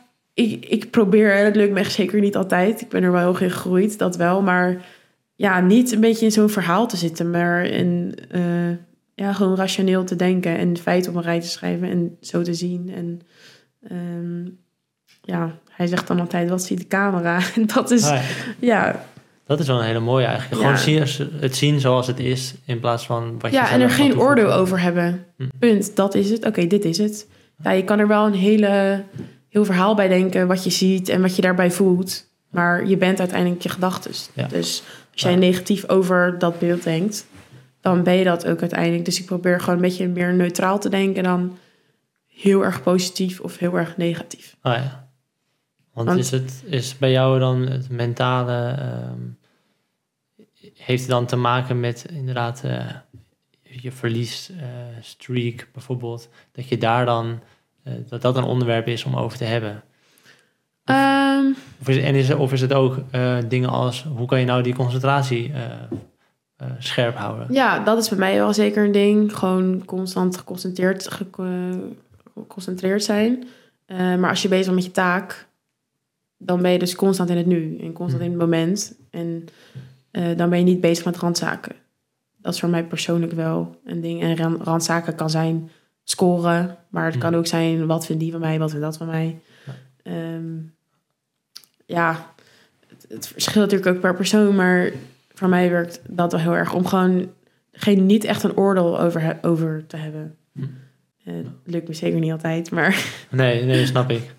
En is dat dan iets wat wekelijks of of per maand of al- Ehm, ik bel elke wedstrijd voor Oh. met mijn mentale trainer. Ik heb een soort van routine dat ik altijd eh, heb dat ik het is een minuut of 30 seconden, het gaat nergens over. Maar dat je gewoon eventjes net voor die wedstrijd soort van een kleine trigger hebt van... Oké, dit is, zijn je aandachtspunten. Wat zijn je aandachtspunten? Oké, dat, dat, dat. Oké, let's go. Let's go. Ja. Ehm, en dat zijn mijn rout- routines. Ik bel hem, ik bel mijn trainer. En het gesprek is nooit langer dan één minuut. Maar gewoon eventjes dat je opgefrist wordt van... Ja, hoe je wilt dat je op de baan gaat staan. Want eh, een, een stukje wat, ik, wat je laatst had geplaatst was zo van, ehm, ja, point of view. Ik heb eh, verloren en denk eraan om nooit, nooit meer te gaan spelen. Zo Ja. was het toch? Wat was het? Ik Denk wil- wel eens. Ja, ik ga nu stoppen met tennis. Nu helemaal klaar mee. Dat eh, herkennen denk ik ook heel veel mensen. Ja. Echt, dit, was het, dit was het dan. ja. Maar hoe, hoe moet ik dat voor me zien? Ik bedoel, ik heb ook wel eens eh laatst dat ik... Ik denk, ik neem die podcast op. Ik eh, maak tips op YouTube hoe mensen moeten tennissen. En dan heb ik laatst zo slecht gespeeld. Ja. En dan denk ik, waarom doe ik dit allemaal? maar ja, jij bedoel, jij traint super veel ervoor. En dan heb je af en toe ook momenten dat je dus ja, eigenlijk niet doet wat je had gehoopt. Of, of gepresteerd zoals je niet Mm. wilde. Hoe is het een kwestie van tijd? Dat je denkt, nou oké, ik heb er toch wel weer zin in. Of zijn er dingen die je dan doet? Ik denk gewoon... Dan zit ik gewoon heel erg in het verhaal. Vind ik mezelf heel zielig. en, eh, Veel denk, emotie eigenlijk. dan zit ik gewoon compleet in mijn emotie. Dat kan ook een dag of zo. En dan, dat is zeker niet erg. Want het moet er ook gewoon kunnen, weet je wel. Ehm, maar zo snel mogelijk wel weer gewoon naar het rationele... eh, eh, naar, naar het rationele gaan. En, eh, maar ik heb zeker wel na een wedstrijd bijvoorbeeld met matchpoints verliezen of zo. Ja, dat is eigenlijk heel erg goed. Want je zit erbij, het scheelt letterlijk één punt, Ja. weet je wel. Ja, je wordt Ehm, alleen niet voor beloond. Je wordt En alleen niet voor beloond. En dat is een soort van heel gek contrast in mijn hoofd van... Ik wil altijd, als ik iets goed doe, wil ik beloond worden. Maar Mm. dat gebeurt gewoon zeker niet Nee. altijd. Niet in het echte leven, maar ook niet in het tennisleven. Ik vind eigenlijk soms ook nog eens wel met tennis, dan ben je dus heel dichtbij geweest. Maar dan is in plaats van de beloning, is het echt het tegenovergestelde van de beloning. Je- je- Ja. ja. Je voelt je eigenlijk alleen maar slechter als je goed gespeeld hebt en gewonnen. Tenminste, ik soms. Terwijl ik denk van ja, dan moet je juist heel erg tevreden zijn. Want dan heb je, oké, je bent niet beloond, maar je hebt Ja, als je goed hebt gespeeld en verloren. Ja, bedoel ja, ja. Zo ja, dan heb je het heel erg goed gedaan eigenlijk. Je hebt gedaan aan je afspraken en aan je taken. En dan word je niet beloond, maar oké, weet je wel, ja, that's life. Ja. Ja, ja, volgende weer, weer door. Ja, ja. Ja. Maar eh, ja, sommige wedstrijden duren wat langer om te verwerken dan de andere hoor. Want welke, heb je, welke wedstrijden heb je, heb je kort geleden wat wedstrijden gehad echt, die echt zuur waren voor je? Eh, ja, toen ik hier die ehm toernooi in Amstelveen speelde, in 60.000 speelde ik toch in 150 denk ik of zo. En ik speelde echt heel erg goed. Ik was echt eh taakgericht bezig en eh, ehm, ja, mijn doelen gingen goed. En ik was nou, twee punten verwijderd van matchpoint. Vijf, ik, stond vijf, ik stond set voor, 5-3 voor in de tiebreak, tweede set. En eh, ja, toen toch verloren die set. Hm. Ik denk ook wel gewoon, ja, misschien net niet moedig genoeg op dat punt. En daar, toen was ik wel echt van slag daarna. Ik van, ah, ik was zo dichtbij en ik had heel lang heel goed gespeeld. En toen het er echt op aankwam, was ik misschien net niet moedig genoeg. Hm. Of durfde ik net niet genoeg aanvallend te spelen. En dan ga je toch terug op je instinct vallen. Daar was ik wel echt wel, ja, daar was ik wel wat kapot van, ja. Ja, ja. precies. Ja. Ja. snap ik. Want ehm, wat, jij, ehm, wat jij bijvoorbeeld dus deelt, wat sowieso mensen dus moeten gaan doen, bij jou eh, even op social media gaan volgen natuurlijk, zodat ze jouw tennis journey kunnen, kunnen volgen. Ehm, maar daarin eh, zie ik, om even een ander onderwerp aan te snijden, eh, heb jij er nu volgens mij op Instagram eh 10.000 volgers ongeveer? Ja, zoiets, ja. En op TikTok volgens mij, eh, ik zag volgens mij weg, exact bijna hetzelfde van 500. eh is echt eigenlijk heel weinig. Ja, maar ik ben ook niet zo heel lang begonnen nog hoor. Dus, Nee. eh, en ik ben echt begonnen van nul. Dus ik vind het best wel snel, best wel... Ik Best wel hard gaan eigenlijk. Ja, maar ja. voor een paar maanden. En ik, Ja. iets wat ik eigenlijk helemaal niet serieus doe, vind ik het eigenlijk best wel... eh, Ja, ja, het gaat niet slecht, maar het gaat ook niet meegaan. Maar ja, ik weet je, als je het leuk vindt om te volgen, moet je het gewoon doen. Als je het niet leuk vindt, ook niet. Ik ga nee, ja, niet... dat, eh, dat sowieso. Nee, want wat, ehm, daar hadden we het in het voorgesprek ook wel even over. Van, eh, eigenlijk ben jij dus in, in Nederland nu bij de dames nummer 6, zei je dat? Ja, zoiets denk Ja. ik. Ja, en Ja, dus als je dus een, het qua ranking met- hoor, op met de internationale lijst, ja. Ik zou niet weten eigenlijk NRT-lijst. Oké, ja. Wat, ehm, wat dan het bizarre is, dat, eh, want het is- het is misschien ook wel iets Dus als je het nu al leuk vindt, iets waar je later inderdaad ook weer wat mee kan, wellicht. Ehm, maar dat je ziet dat zo'n voetballer inderdaad heel veel volgers hebt. Dus zei je ook van ja, hoe kan het nou dat, of waarom is dat nou toch in Nederland? Of sowieso in tennis dat, een, nou, dat jij de 10.000 hebt, terwijl je nummer 6 van Nederland bent. Ja. Terwijl een uh, bewijzen van. Uh, noem, noem een andere sport. Een, een voetballer. Ja, die, of nu die niemand uh, bijna kent. bijvoorbeeld. Ja. Die, mij zijn natuurlijk heel erg goed hoor, daar niet van. Ja. maar dat inderdaad die in Nederland ook nou ja, top 10 zijn, denk ik zoiets. en dat die gewoon ja, zoveel bekijks hebben en zoveel dat iedereen hen kent. Dat is wel gek inderdaad dat het met tennis totaal niet zo is. Nee. Um, Terwijl ook schaatsen inderdaad individuele sport is eigenlijk. Ja, maar ik denk ook een kwestie van geld. Uh, er gaat natuurlijk veel geld in om in het voetbal bijvoorbeeld. Ja. Uh, is de nummer één sport. Maar ja, ik zou niet per se echt een antwoord weten waarom dat zo is. Maar ik vind het wel heel erg jammer. Um, want ja, dat is bijvoorbeeld ook een soort van beloning of zo voor Mhm. alles wat je doet. Bij ons, uh, bij ons moet je, nou, hoe hoog moet je staan om een beetje bekendheid te hebben? Ja, bijvoorbeeld eh, Matwee Middelkoop. Die, Ja. Dan zeg ik eh, een beetje, was, hij was er redelijk vroeg bij toen ik een podcast ging doen. Ik zei, ja, Mid- Matwee Middelkoop een podcast. En dan staan er allemaal fanatieke tennissers. En ja, vind ik eigenlijk ook lullig tegenover hem. Ik, bedoel, ik vind het gewoon echt een legend eigenlijk. En Ja. supergoed. Ook nu op latere leeftijd staat hij ook nog overal. En dan zeggen dus merendeel zegt eigenlijk, oh wie is dat dan? Ja, En maar dan- dat zeggen ze over mij ook hoor. Ja, nee, maar precies. Dus dan denk ik, hoe kan het nou? Ehm, ja.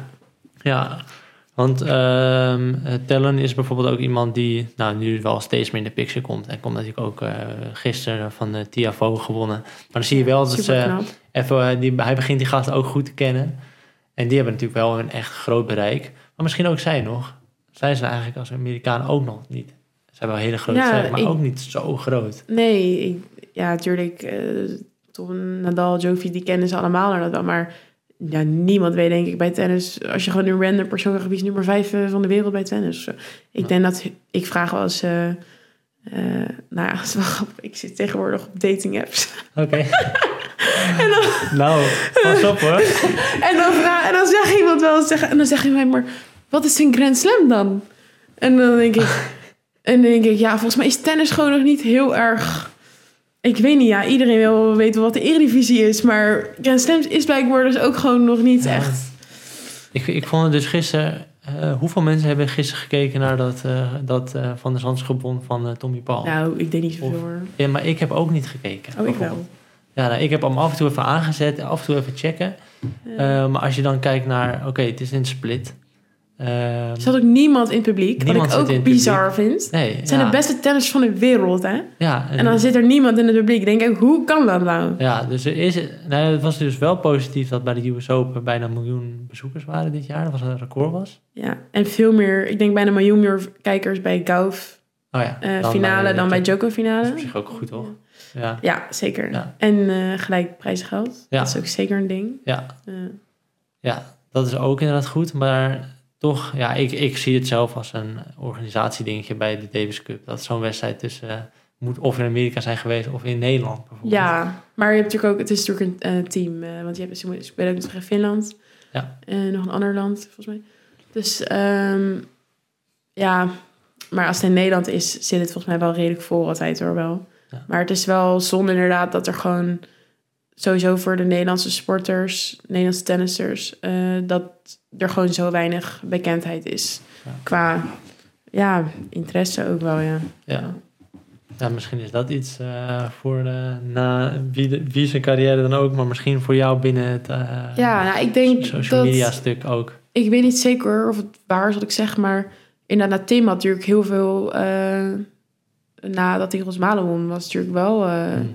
Was het echt wel big in the picture, volgens Zo, mij. ja. ja, maar die, die haalde zo Ja, en eh, ja, volgens mij heeft hij redelijk wat volgers, denk ik ook. Eh, dat is wel... eh, ja, ik weet niet waarom dat dan opeens wel... weet je, wel, het is, het is heel gek. Ik weet ook niet hoe het met ABN AMRO is. Maar het is gewoon zonde dat... ja, nummer 10 van Nederland in tennis niemand kent. Of nummer, nou ja, zoveel van de wereld. Ja. En dat bij andere sporten dat anders gaat, ja. Ja, ik vind dus, ehm, een, deel van mijn doel is wel om eh, bijvoorbeeld met een podcast zoals wij nu doen, eh, ook het verhaal van jou en jou ook gewoon in het licht te zetten. Zo van, hey, dit, dit, ben je, dit is jouw verhaal, zeg maar. Eh, maar ook met de content om, ik bedoel, ik weet nu ook zelf, ik werk er hard aan om bekender te worden in die zin, binnen ja, het content super creëren. moeilijk. Ja. Maar het is echt super moeilijk, ook binnen tennis eigenlijk. Maar dat ik, ik, bedoel, ik weet nog toen ik dit helemaal begon, toen dacht ik, ja, maar dan ga ik uiteindelijk, ben ik met die profspeler ehm, en dan ga je daar goede content mee maken. En dan, eh, dan bij wijze van zou je denken, dan kent iedereen, Jou. Ja. maar ook de speler. Maar dat is dus eigenlijk helemaal niet zo Nee. ben ik achtergekomen. Dus dat is wel, maar ik denk wel dat het via het online, de online weg, eh, met leuke video's die nu ook al worden gedeeld, ik denk dat de KNTB het ook al beter doet, dat, dat ze langzaam steeds meer gaan delen ja. dat dat wel een beetje de manier is hoe het moet gaan. Ja, ik hoop dat het in de toekomst eh, ja, gewoon iets meer, ja, dat, dat we gewoon iets meer bekijks krijgen of zo. Of iets meer eh, erkenning of zo, denk ik, zeg maar. Want Tegenwoordig is natuurlijk alles ook online. Ehm, dat zou wel erg leuk zijn, maar ja, het zou een kwestie van geld zijn, denk ik. En want mensen kijken gewoon naar voetbal. Ja, Nou, want dat is nog, dat is misschien wel een, ehm, ik bedoel, je kan een, een team, word je echt fan van, denk ik. ja. Tenminste, je kan ook, eh, ik bedoel, ik ben eh, Federer fan, Oh ja. Eh, maar daarin, ehm, het is nou niet dat ik, ik heb wel een shirtje bijvoorbeeld van hem gehad, maar ik bedoel, zie je in voetbal, dan wil je allemaal een Ajax shirtje of een Feyenoord shirtje. Ja, ik heb wel een aantal Feyenoord t-shirts, ja. Precies, dus dat is al zo anders hoe dat allemaal werkt. En dan hoor je bij een club. En je kan Ja, niet soort van horen bij een club of verbintenis. community gevoel creëren bij, Klopt. bij zijn club eh, Lexi Stevens. Al Ja. zou je het graag willen. Dat werkt toch moeilijker bij een individu. Nee, inderdaad, als je natuurlijk... Ja, ik ben dan zelf Feyenoorder. Ja. En Oh. ja, oh. ja, dat je dan... Je hebt toch wel een soort... Ja, ik zit dan al best wel een aantal jaar in hetzelfde vak in de Kuip. En dan ja. ja, heb je toch met je de mensen om me heen in, mijn, in het vak... Ja, die kende ik eerst helemaal niet. En ik heb toch een speciaal verbindenis met... ja. Nou, daar ligt misschien wel een, eh, ja, een ding waar, ja, waar winst gemaakt kan worden. Binnen Ja. tennis. Klein beetje. ja. Eh, teruggaan, had je namelijk in 2017... Ja, in de juni, was je laatste jaar als soort junioren? Juniors, ja. Ja. Eh, toen had je Australian Open, Ja, ehm, Wimbledon en US Open ben je heen geweest. ja, klopt. ehm, Heb je, ehm, eh, ja, hoe, hoe was dat? Tenminste, ik kan me voorstellen, dan was je... Eh, 17, denk ik. Ja, want nu Ja, ben je 17, 24. 18. Ja, nu net 24. Ja. ja. Nee, ja, ik, eh, heel veel mensen zeggen van eh, ja, junioren is geldverspilling. eh, je krijgt geen punten. Maar ik heb echt zo'n leuke tijd gehad. Het was veel minder serieus dan nu. Dus je ging ook echt met je tegenstanders eh, ja, kaarten tussendoor. eh, Oh, ja, het was Ah. eh, gewoon... Ja, het, het was zo'n leuke, leuke tijd. Ik kijk er heel erg mooi op terug. En een hele coole ervaring. Dat je dan als kerst daar natuurlijk die kan, eh, de kan spelen. Ik was 17 of ik. Ik, ik weet nog dat ik eh, naast Nadal in de gym stond toen. Weet Oh, je wel? Ja. Ja, en dan eh, dat, ja, dat is natuurlijk wel echt gaaf ding. Het motiveert natuurlijk wel. En ja, dat ik dat al mee heb mogen maken, vind ik al, vond ik al bijzonder. Ja. Ja. Want ehm, dat, dat ik bedoel, in, ehm, in Zwitserland vond ik trouwens een, een tof videootje toen je dus won. Een soort recap van, van hoe je dat gedaan had. Ehm, maar wat zijn dan een beetje de, de, de tofste of gekste of dingen die je hebt meegemaakt op de tour? Waarvan je gelijk eigenlijk denkt van ja, dat was of super gaaf of echt Ja, vet, vreemd. ik denk, ja, sowieso die jeugd en stem spelen, dat is wel iets wat ik echt nooit vergeet. En ik heb afgelopen jaar eh, twee keer mogen meespelen met Billie Jean Ja. King Cup. Ja, en dat, gewonnen had je? Ja, met jouw- debuut gemaakt, gewonnen. Ja, de wedstrijd zelf was, eh, nou, niet zo, want het was, ik had een regenbreek en het stormde en het was, Mm. het was wind en het was koud. Dus het heel ideaal mooi plaatje natuurlijk dat je hebt gewonnen, maar de wedstrijd zelf was echt in verschrikkelijke omstandigheden. Ja, Eh, maar als ik dat mag kiezen, ja, ik vond dat echt, ik vond dat echt kippenvel. Ik vond dat echt, echt wel een van, de- nou, de- nou, een van de, ik denk wel het mooiste momenten van mijn tenniscarrière. Ja. en dat komt dan doordat je ook, je komt voor Nederland uit, maar dat is ook dat je met een team bent? Of Ja, waar team- zit dat in? team is natuurlijk sowieso fantastisch. Ja, ik, vind, ik vind dat echt heel gaaf. Gewoon, weet je die sfeer met z'n allen. En dat vind ik heel leuk. Eh, maar ja, dat je inderdaad ook wel Nederland, dat vind ik wel, eh, vind ik wel een ding. Ja, vind ik dat je een oranje t-shirtje met Nederland op de rug en dan oké, Team Netherlands to serve, denk ik, ja, dat is toch wel... Ja, dat is wel heel vet. Dat, is wel, dat was wel gaaf. En hadden we bij, eh, dat was wel heel grappig. We, toen we in, tegen Frankrijk speelden afgelopen eh, jaar, november, ehm, hadden we, moest je ook het Wilhelmus doen. Nou ja, ik dacht, ik wist, ik was er niet echt eh, van bewust van wat er allemaal ging gebeuren.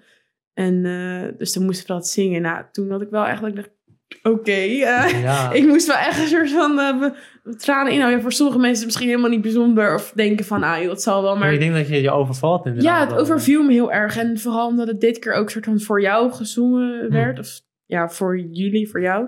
Eh, dat was echt een moment dat ik dacht, oh, huh? En ik weet nog, mijn ouders zaten daar rechts in het publiek. Dus ik keek zo een beetje zo. En ik weet dat... En zij waren ook zo best wel emotioneel. Dus dat was wel...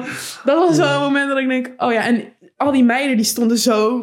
Ja, zo stonden die met, eh, met dat ding. En ik denk, oh shit, eh, dat stond ik geen niet. houding te geven. Nee, dus, want ik had nog dat vlaggetje in mijn hand. Dus ik denk, oh nee, zij staan allemaal zo. Dus ik ook snel dat doen. Oh ja, lachen. ja, dat was... eh, Dat is wel echt, eh, echt lachen. ja, dat was wel... maar dat zijn wel... Ja, natuurlijk, die grote toernooien... Dat zijn wel de dingen waar je, waar je het meest aan, aan terugdenkt. Ja. Inderdaad. En waar je ook mensen ontmoet die je eigenlijk wil ontmoeten om ook weer verder te gaan. Kan ik me aan. Ja, ik bedoel, eh, tuurlijk, eh, ik heb daardoor heb ik bijvoorbeeld Kiki goed leren kennen. Ja. En eh, ja, je kan zeggen, ja, natuurlijk is gewoon ook een mens, maar het is toch wel Kiki. En Mhm. ja, Nou ja, die heeft toch wel weer ervaring Ja, ook. en- Of, ja dus, ik wil dat er wat eerder over. Ja, ik heb vroeger ballen geraapt bij het NK of bij eh Iron Allemaal bijvoorbeeld bij Michaela Krajcek of bij Aranska Rus of bij Mhm. Ja. Kiki. En dan, ja, en nu sta je er dan zelf mee. Dat is ook wel heel gek, vond Ja. ik in het begin. Of het überhaupt dat ik of eerst ballenmeisje was bij het NK en nu speel ik zelf NK. Ja, dat, ik weet niet, ik vond dat, som, als je zeg maar, nu, het is, bij, weet je het gaat allemaal gewoon normaal, een beetje met de flow, maar ja, als je erover nadenkt, denk je, ja, dat is soms, soms wel grappig. Ja, ik Want het is denk ik ook wel die mensen die, eh, of de speelsters die je daar dan weer ontmoet, of het netwerk eigenlijk wat je daar uitbouwt, dat je daar ook weer aan, wat aan kan hebben om, ehm, ik bedoel, aan, je moet gewoon goed spelen om je ergens te kwalificeren. Ja. Alleen, eh, ik kan me ook wel voorstellen dat voor het vinden van eh, bijvoorbeeld dubbelpartners, Ja, ik denk niet dat je per se, heb je een vaste, Nee, nee, nog niet echt. ik, zou, ik zou dat op zich wel leuk vinden en graag willen.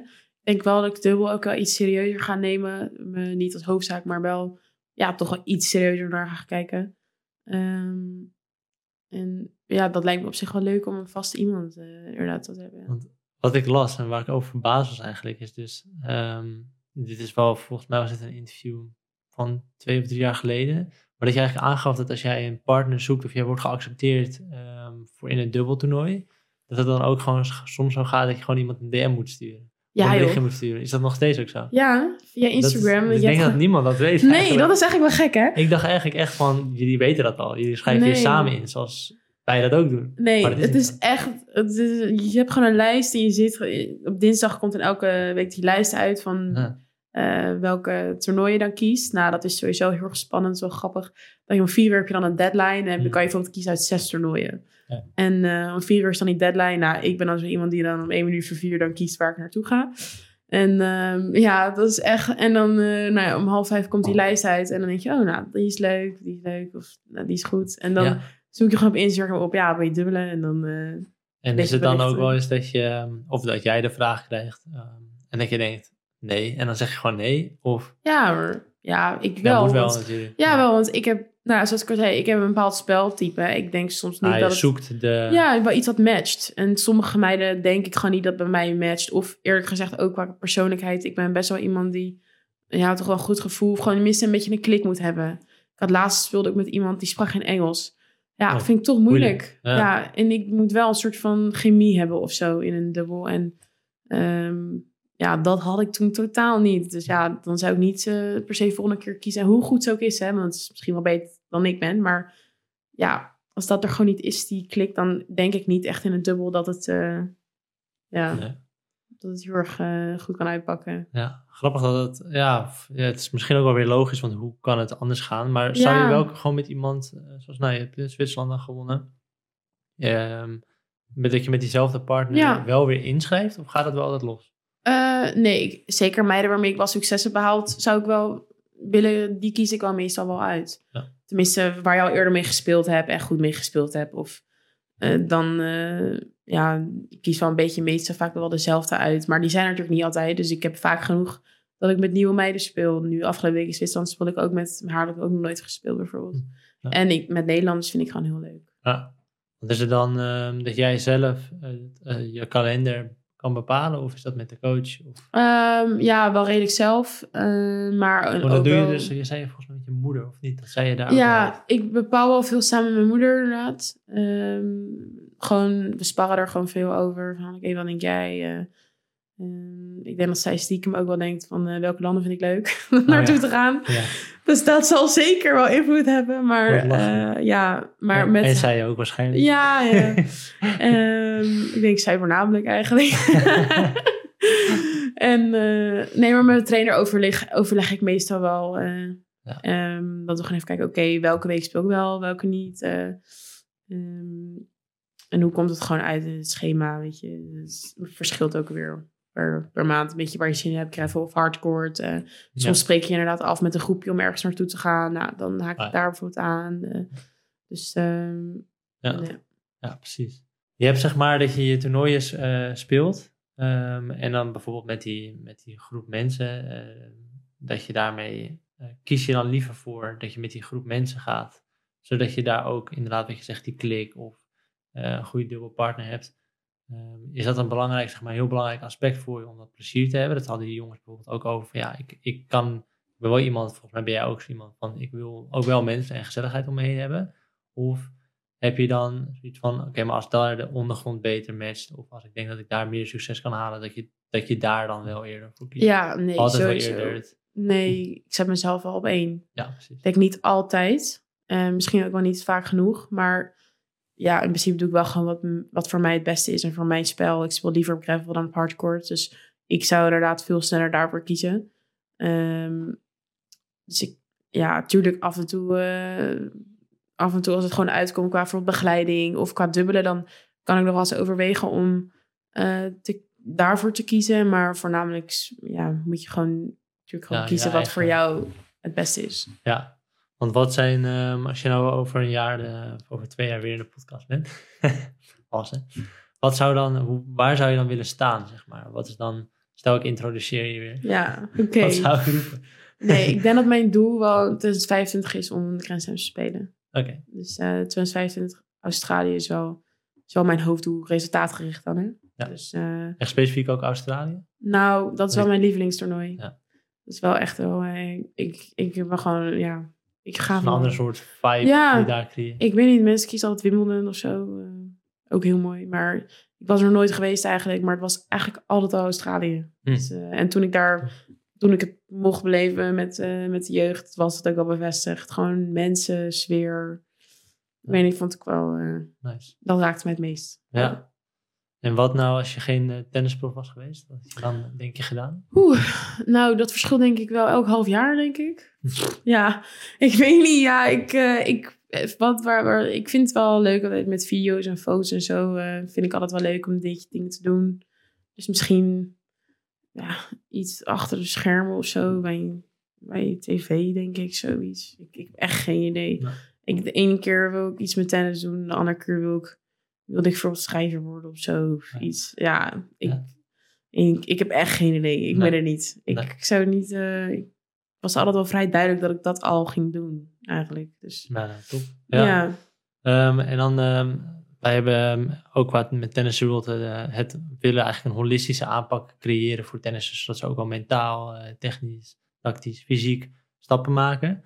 Als jij nou vanuit jouw carrière, dat jij steeds nou, ook progressie probeert te boeken, ehm, eh, een, nou, een amateur tennisser een advies zou moeten geven van, eh, als je dan iets, hè, we hadden het net bijvoorbeeld over sprinten misschien. Ja. Ja. als je nou echt beter wordt, oké, het is kut, maar ga dat doen. Of heb je iets anders waarvan je denkt, dit zou echt mijn advies zijn, een, een dingetje om te doen, een to-do, klein een to-do dingetje. ja. Ga dat doen.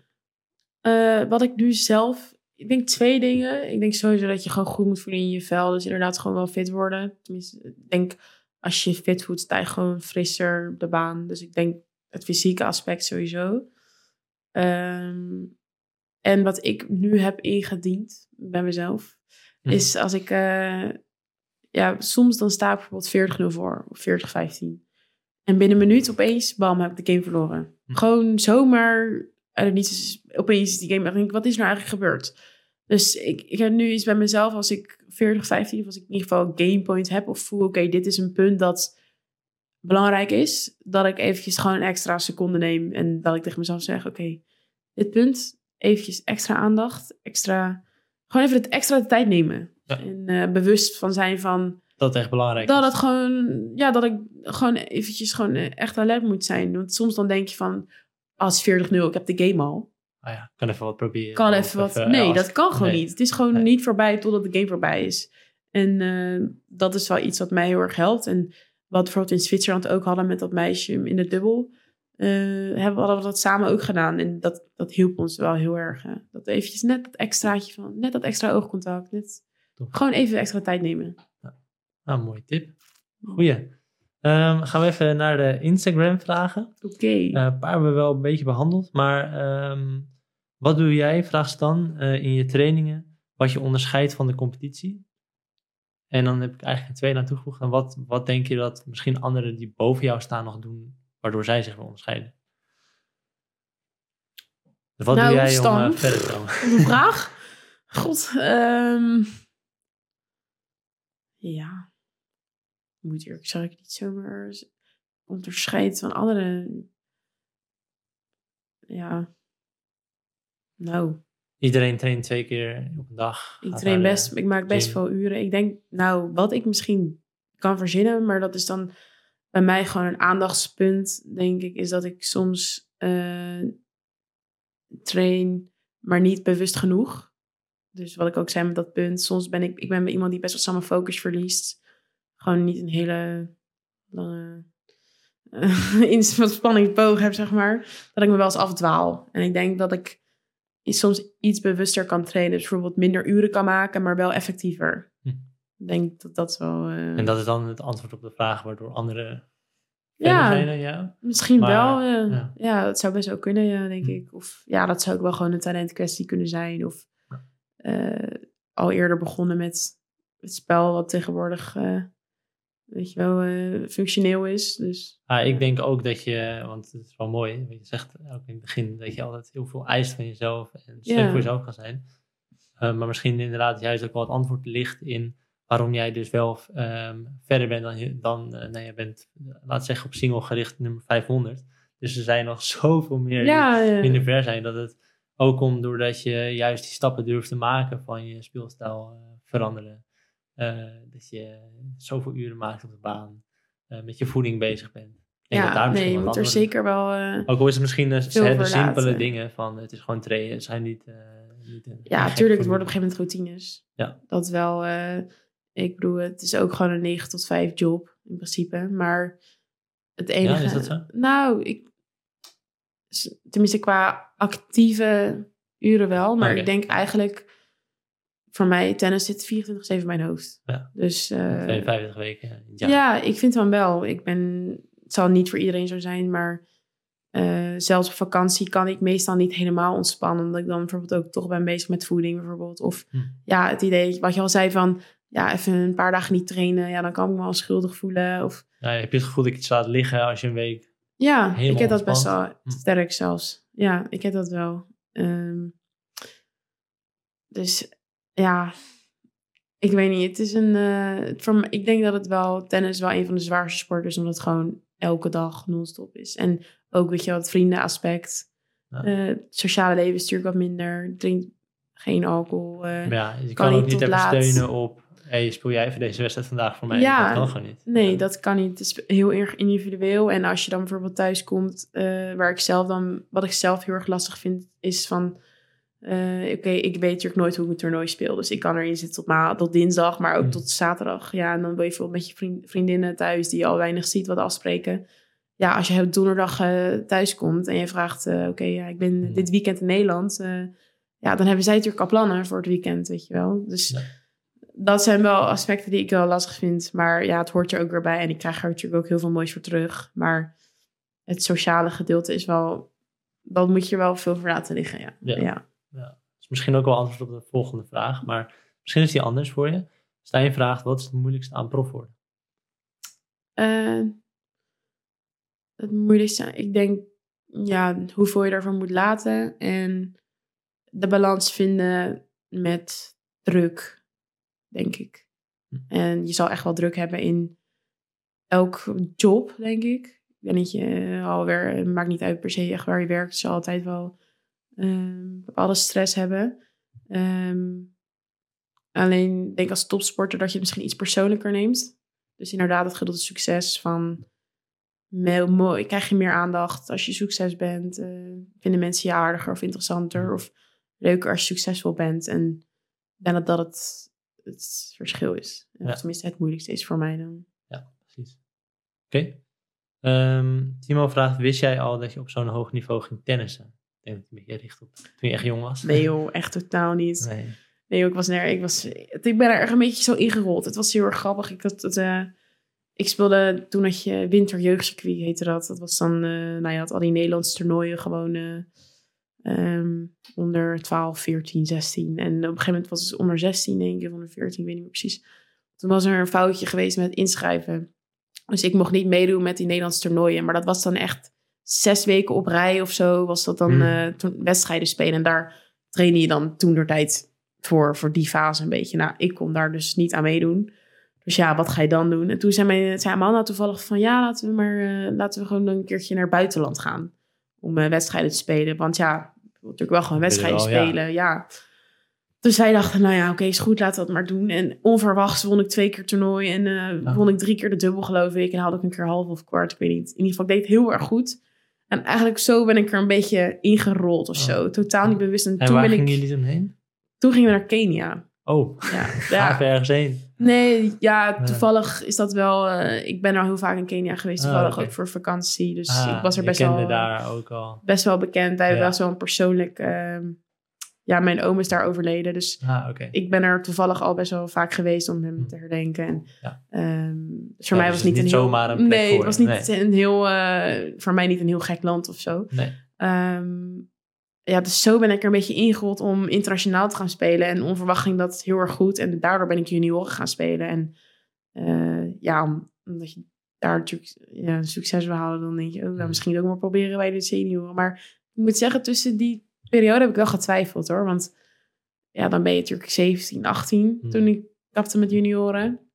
Ja. En eh, dan ga je echt soort van de volwassenen in. En dan gaan jouw vrienden bijvoorbeeld studeren. Of Ja. ja, Dat wordt je een soort je carrière, denk ik. Inderdaad, een beetje Ja. wat, welke richting ga je in? Ja, en ook denk ik wel als meisje, tienermeisje, is dat wel een fase dat je gewoon onzekerheid op komt spelen. Of ja, dat je iets bewuster wordt van bepaalde dingen.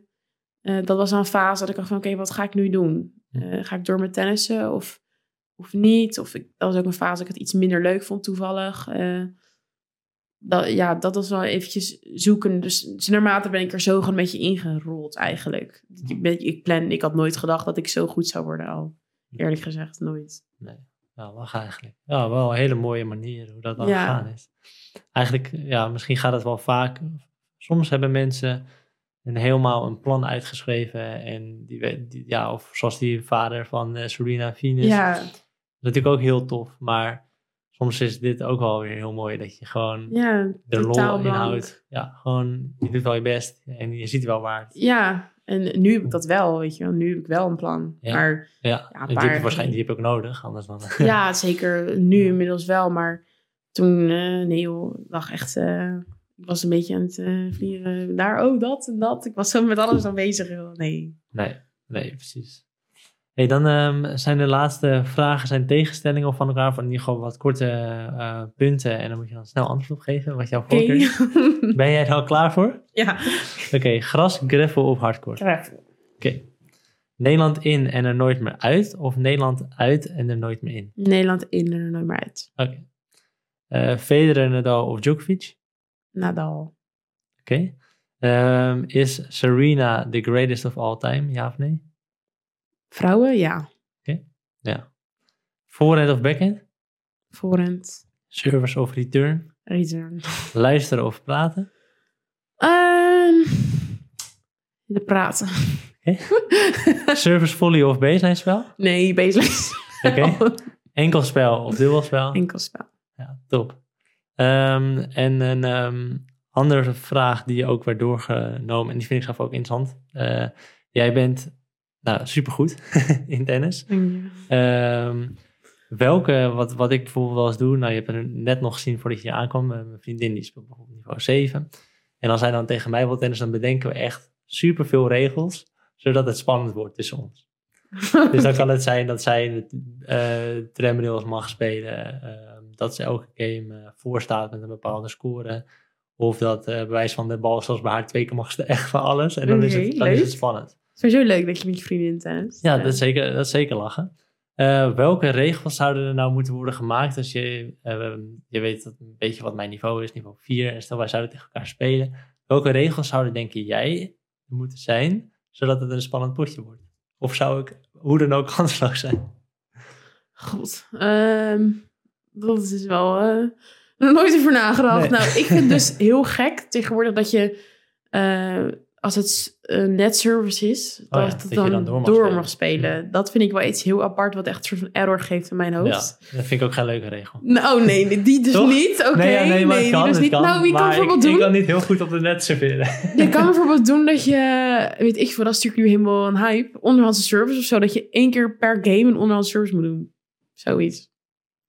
Maar dan, maar dan, eh, waarom win ik dat dan? Win ik dan makkelijke punten van jou als ik dat ga doen? Of moet jij Van mij? Ook dat ik dacht dat tussen jou en je vriendin Nee, was. als ik tegen jou zou spelen. Oh. Want jij bent heel goed. Dus Nou, wat moeten we dan bedenken? nou geef mij maar één service. Dan eh, kan je mijn service games al... eh, Oh ja? nee, ja, ik denk één service of zo. Of elke game gewoon 0-15. Ik weet Oh, ja. niet, zoiets. Nou ja, ik denk dus, daar, dat lijkt mij sowieso wel leuk om eens ehm, een keer uit te testen. Oké. Ehm, maar ik denk dat als jij één keer zou serveren, dat ik nog steeds kansloos ben. Ja, Toch? ik moet zeggen dat ik niet helemaal goed weet wat niveau 4 is. Oké, ja, daar ben je eigenlijk nooit natuurlijk helemaal in, mee bezig. Oh, jawel, daar ben ik vast wel mee begonnen. Maar ik, Ja, maar dat is nu, zo... ja, ik, nee, ik zou niet per se weten, maar volgens mij kan je wel gewoon tennis door. Maar ik, ik, weet, ik weet niet, ja. Oké, oké, Eén maar- service en dan ben je nog steeds kansloos? Ik weet, Ik weet het niet. Ik weet het niet. Gaan Wat hebben keer die andere mensen gezegd? in deze vraag. Ja? Ik heb dit nog ja, niemand weet het te Oh, vragen. jezus, Ik primeur. maar ik dacht, het is wel leuk. Gaan we dat een keer uittesten? Oké, ja, nee, vind ik leuk. Voor in? Het, eh, dat kan een leuke TikTok worden. Oké, dus... top. Ja, super. Ehm, ja, ben ik iets vergeten te vragen wat ik wel had moeten vragen? Of iets wat je misschien als advies nog aan mensen eh, of, of iets leuks eh, wil meedelen? Nou, ja, volg me op TikTok. Lexi Stevens tennis. Verder? Nee, niks. Nee, top. Nee, ik, eh superleuk. Inter ja, superleuk. Gewoon, eh Ja. als mijn eerste podcast, leuke ervaring. Nou, je hebt het goed gedaan. eh, Ja. Mensen, eh, eh, mensen die kijken of luisteren, laat het maar weten in de comments wat jullie ook van de aflevering vonden. Ja, En dan wil ik jou eigenlijk take gewoon 2. Ik vind het best knap. Dat, Ja, toch? ging allemaal best wel soepel. Ja, toch? Ja. Nou, top. Dankjewel. En Ja. voor jullie dan eh, ja, bedankt voor het eh, kijken. En tot de volgende. Bedankt voor het luisteren naar deze aflevering. Ik hoop dat je er veel aan gehad hebt en dat het je heeft geïnspireerd om ook zelf weer stappen te maken. Ik vond het een heel leuk gesprek om te horen eh, waar iemand van kan genieten in haar tennisjourney. Wat voor stappen ze dus heeft gezet om ook zelf te moeten groeien. Voornamelijk dat ze iets opoffert, namelijk haar eigen speelstijl die ze in de afgelopen jaren heeft neergezet. En dat ze daarin gewoon durft een switch te maken. Zodat ze in de toekomst weer stappen kan zetten. Maar ook heel herkenbaar dat je met blessures moet omgaan. En vind ik het heel krachtig en neem dat ook mee dat je gaat kijken naar wat er wel mogelijk is. Ik hoop dat jij door deze aflevering er dus wat aan gehad hebt.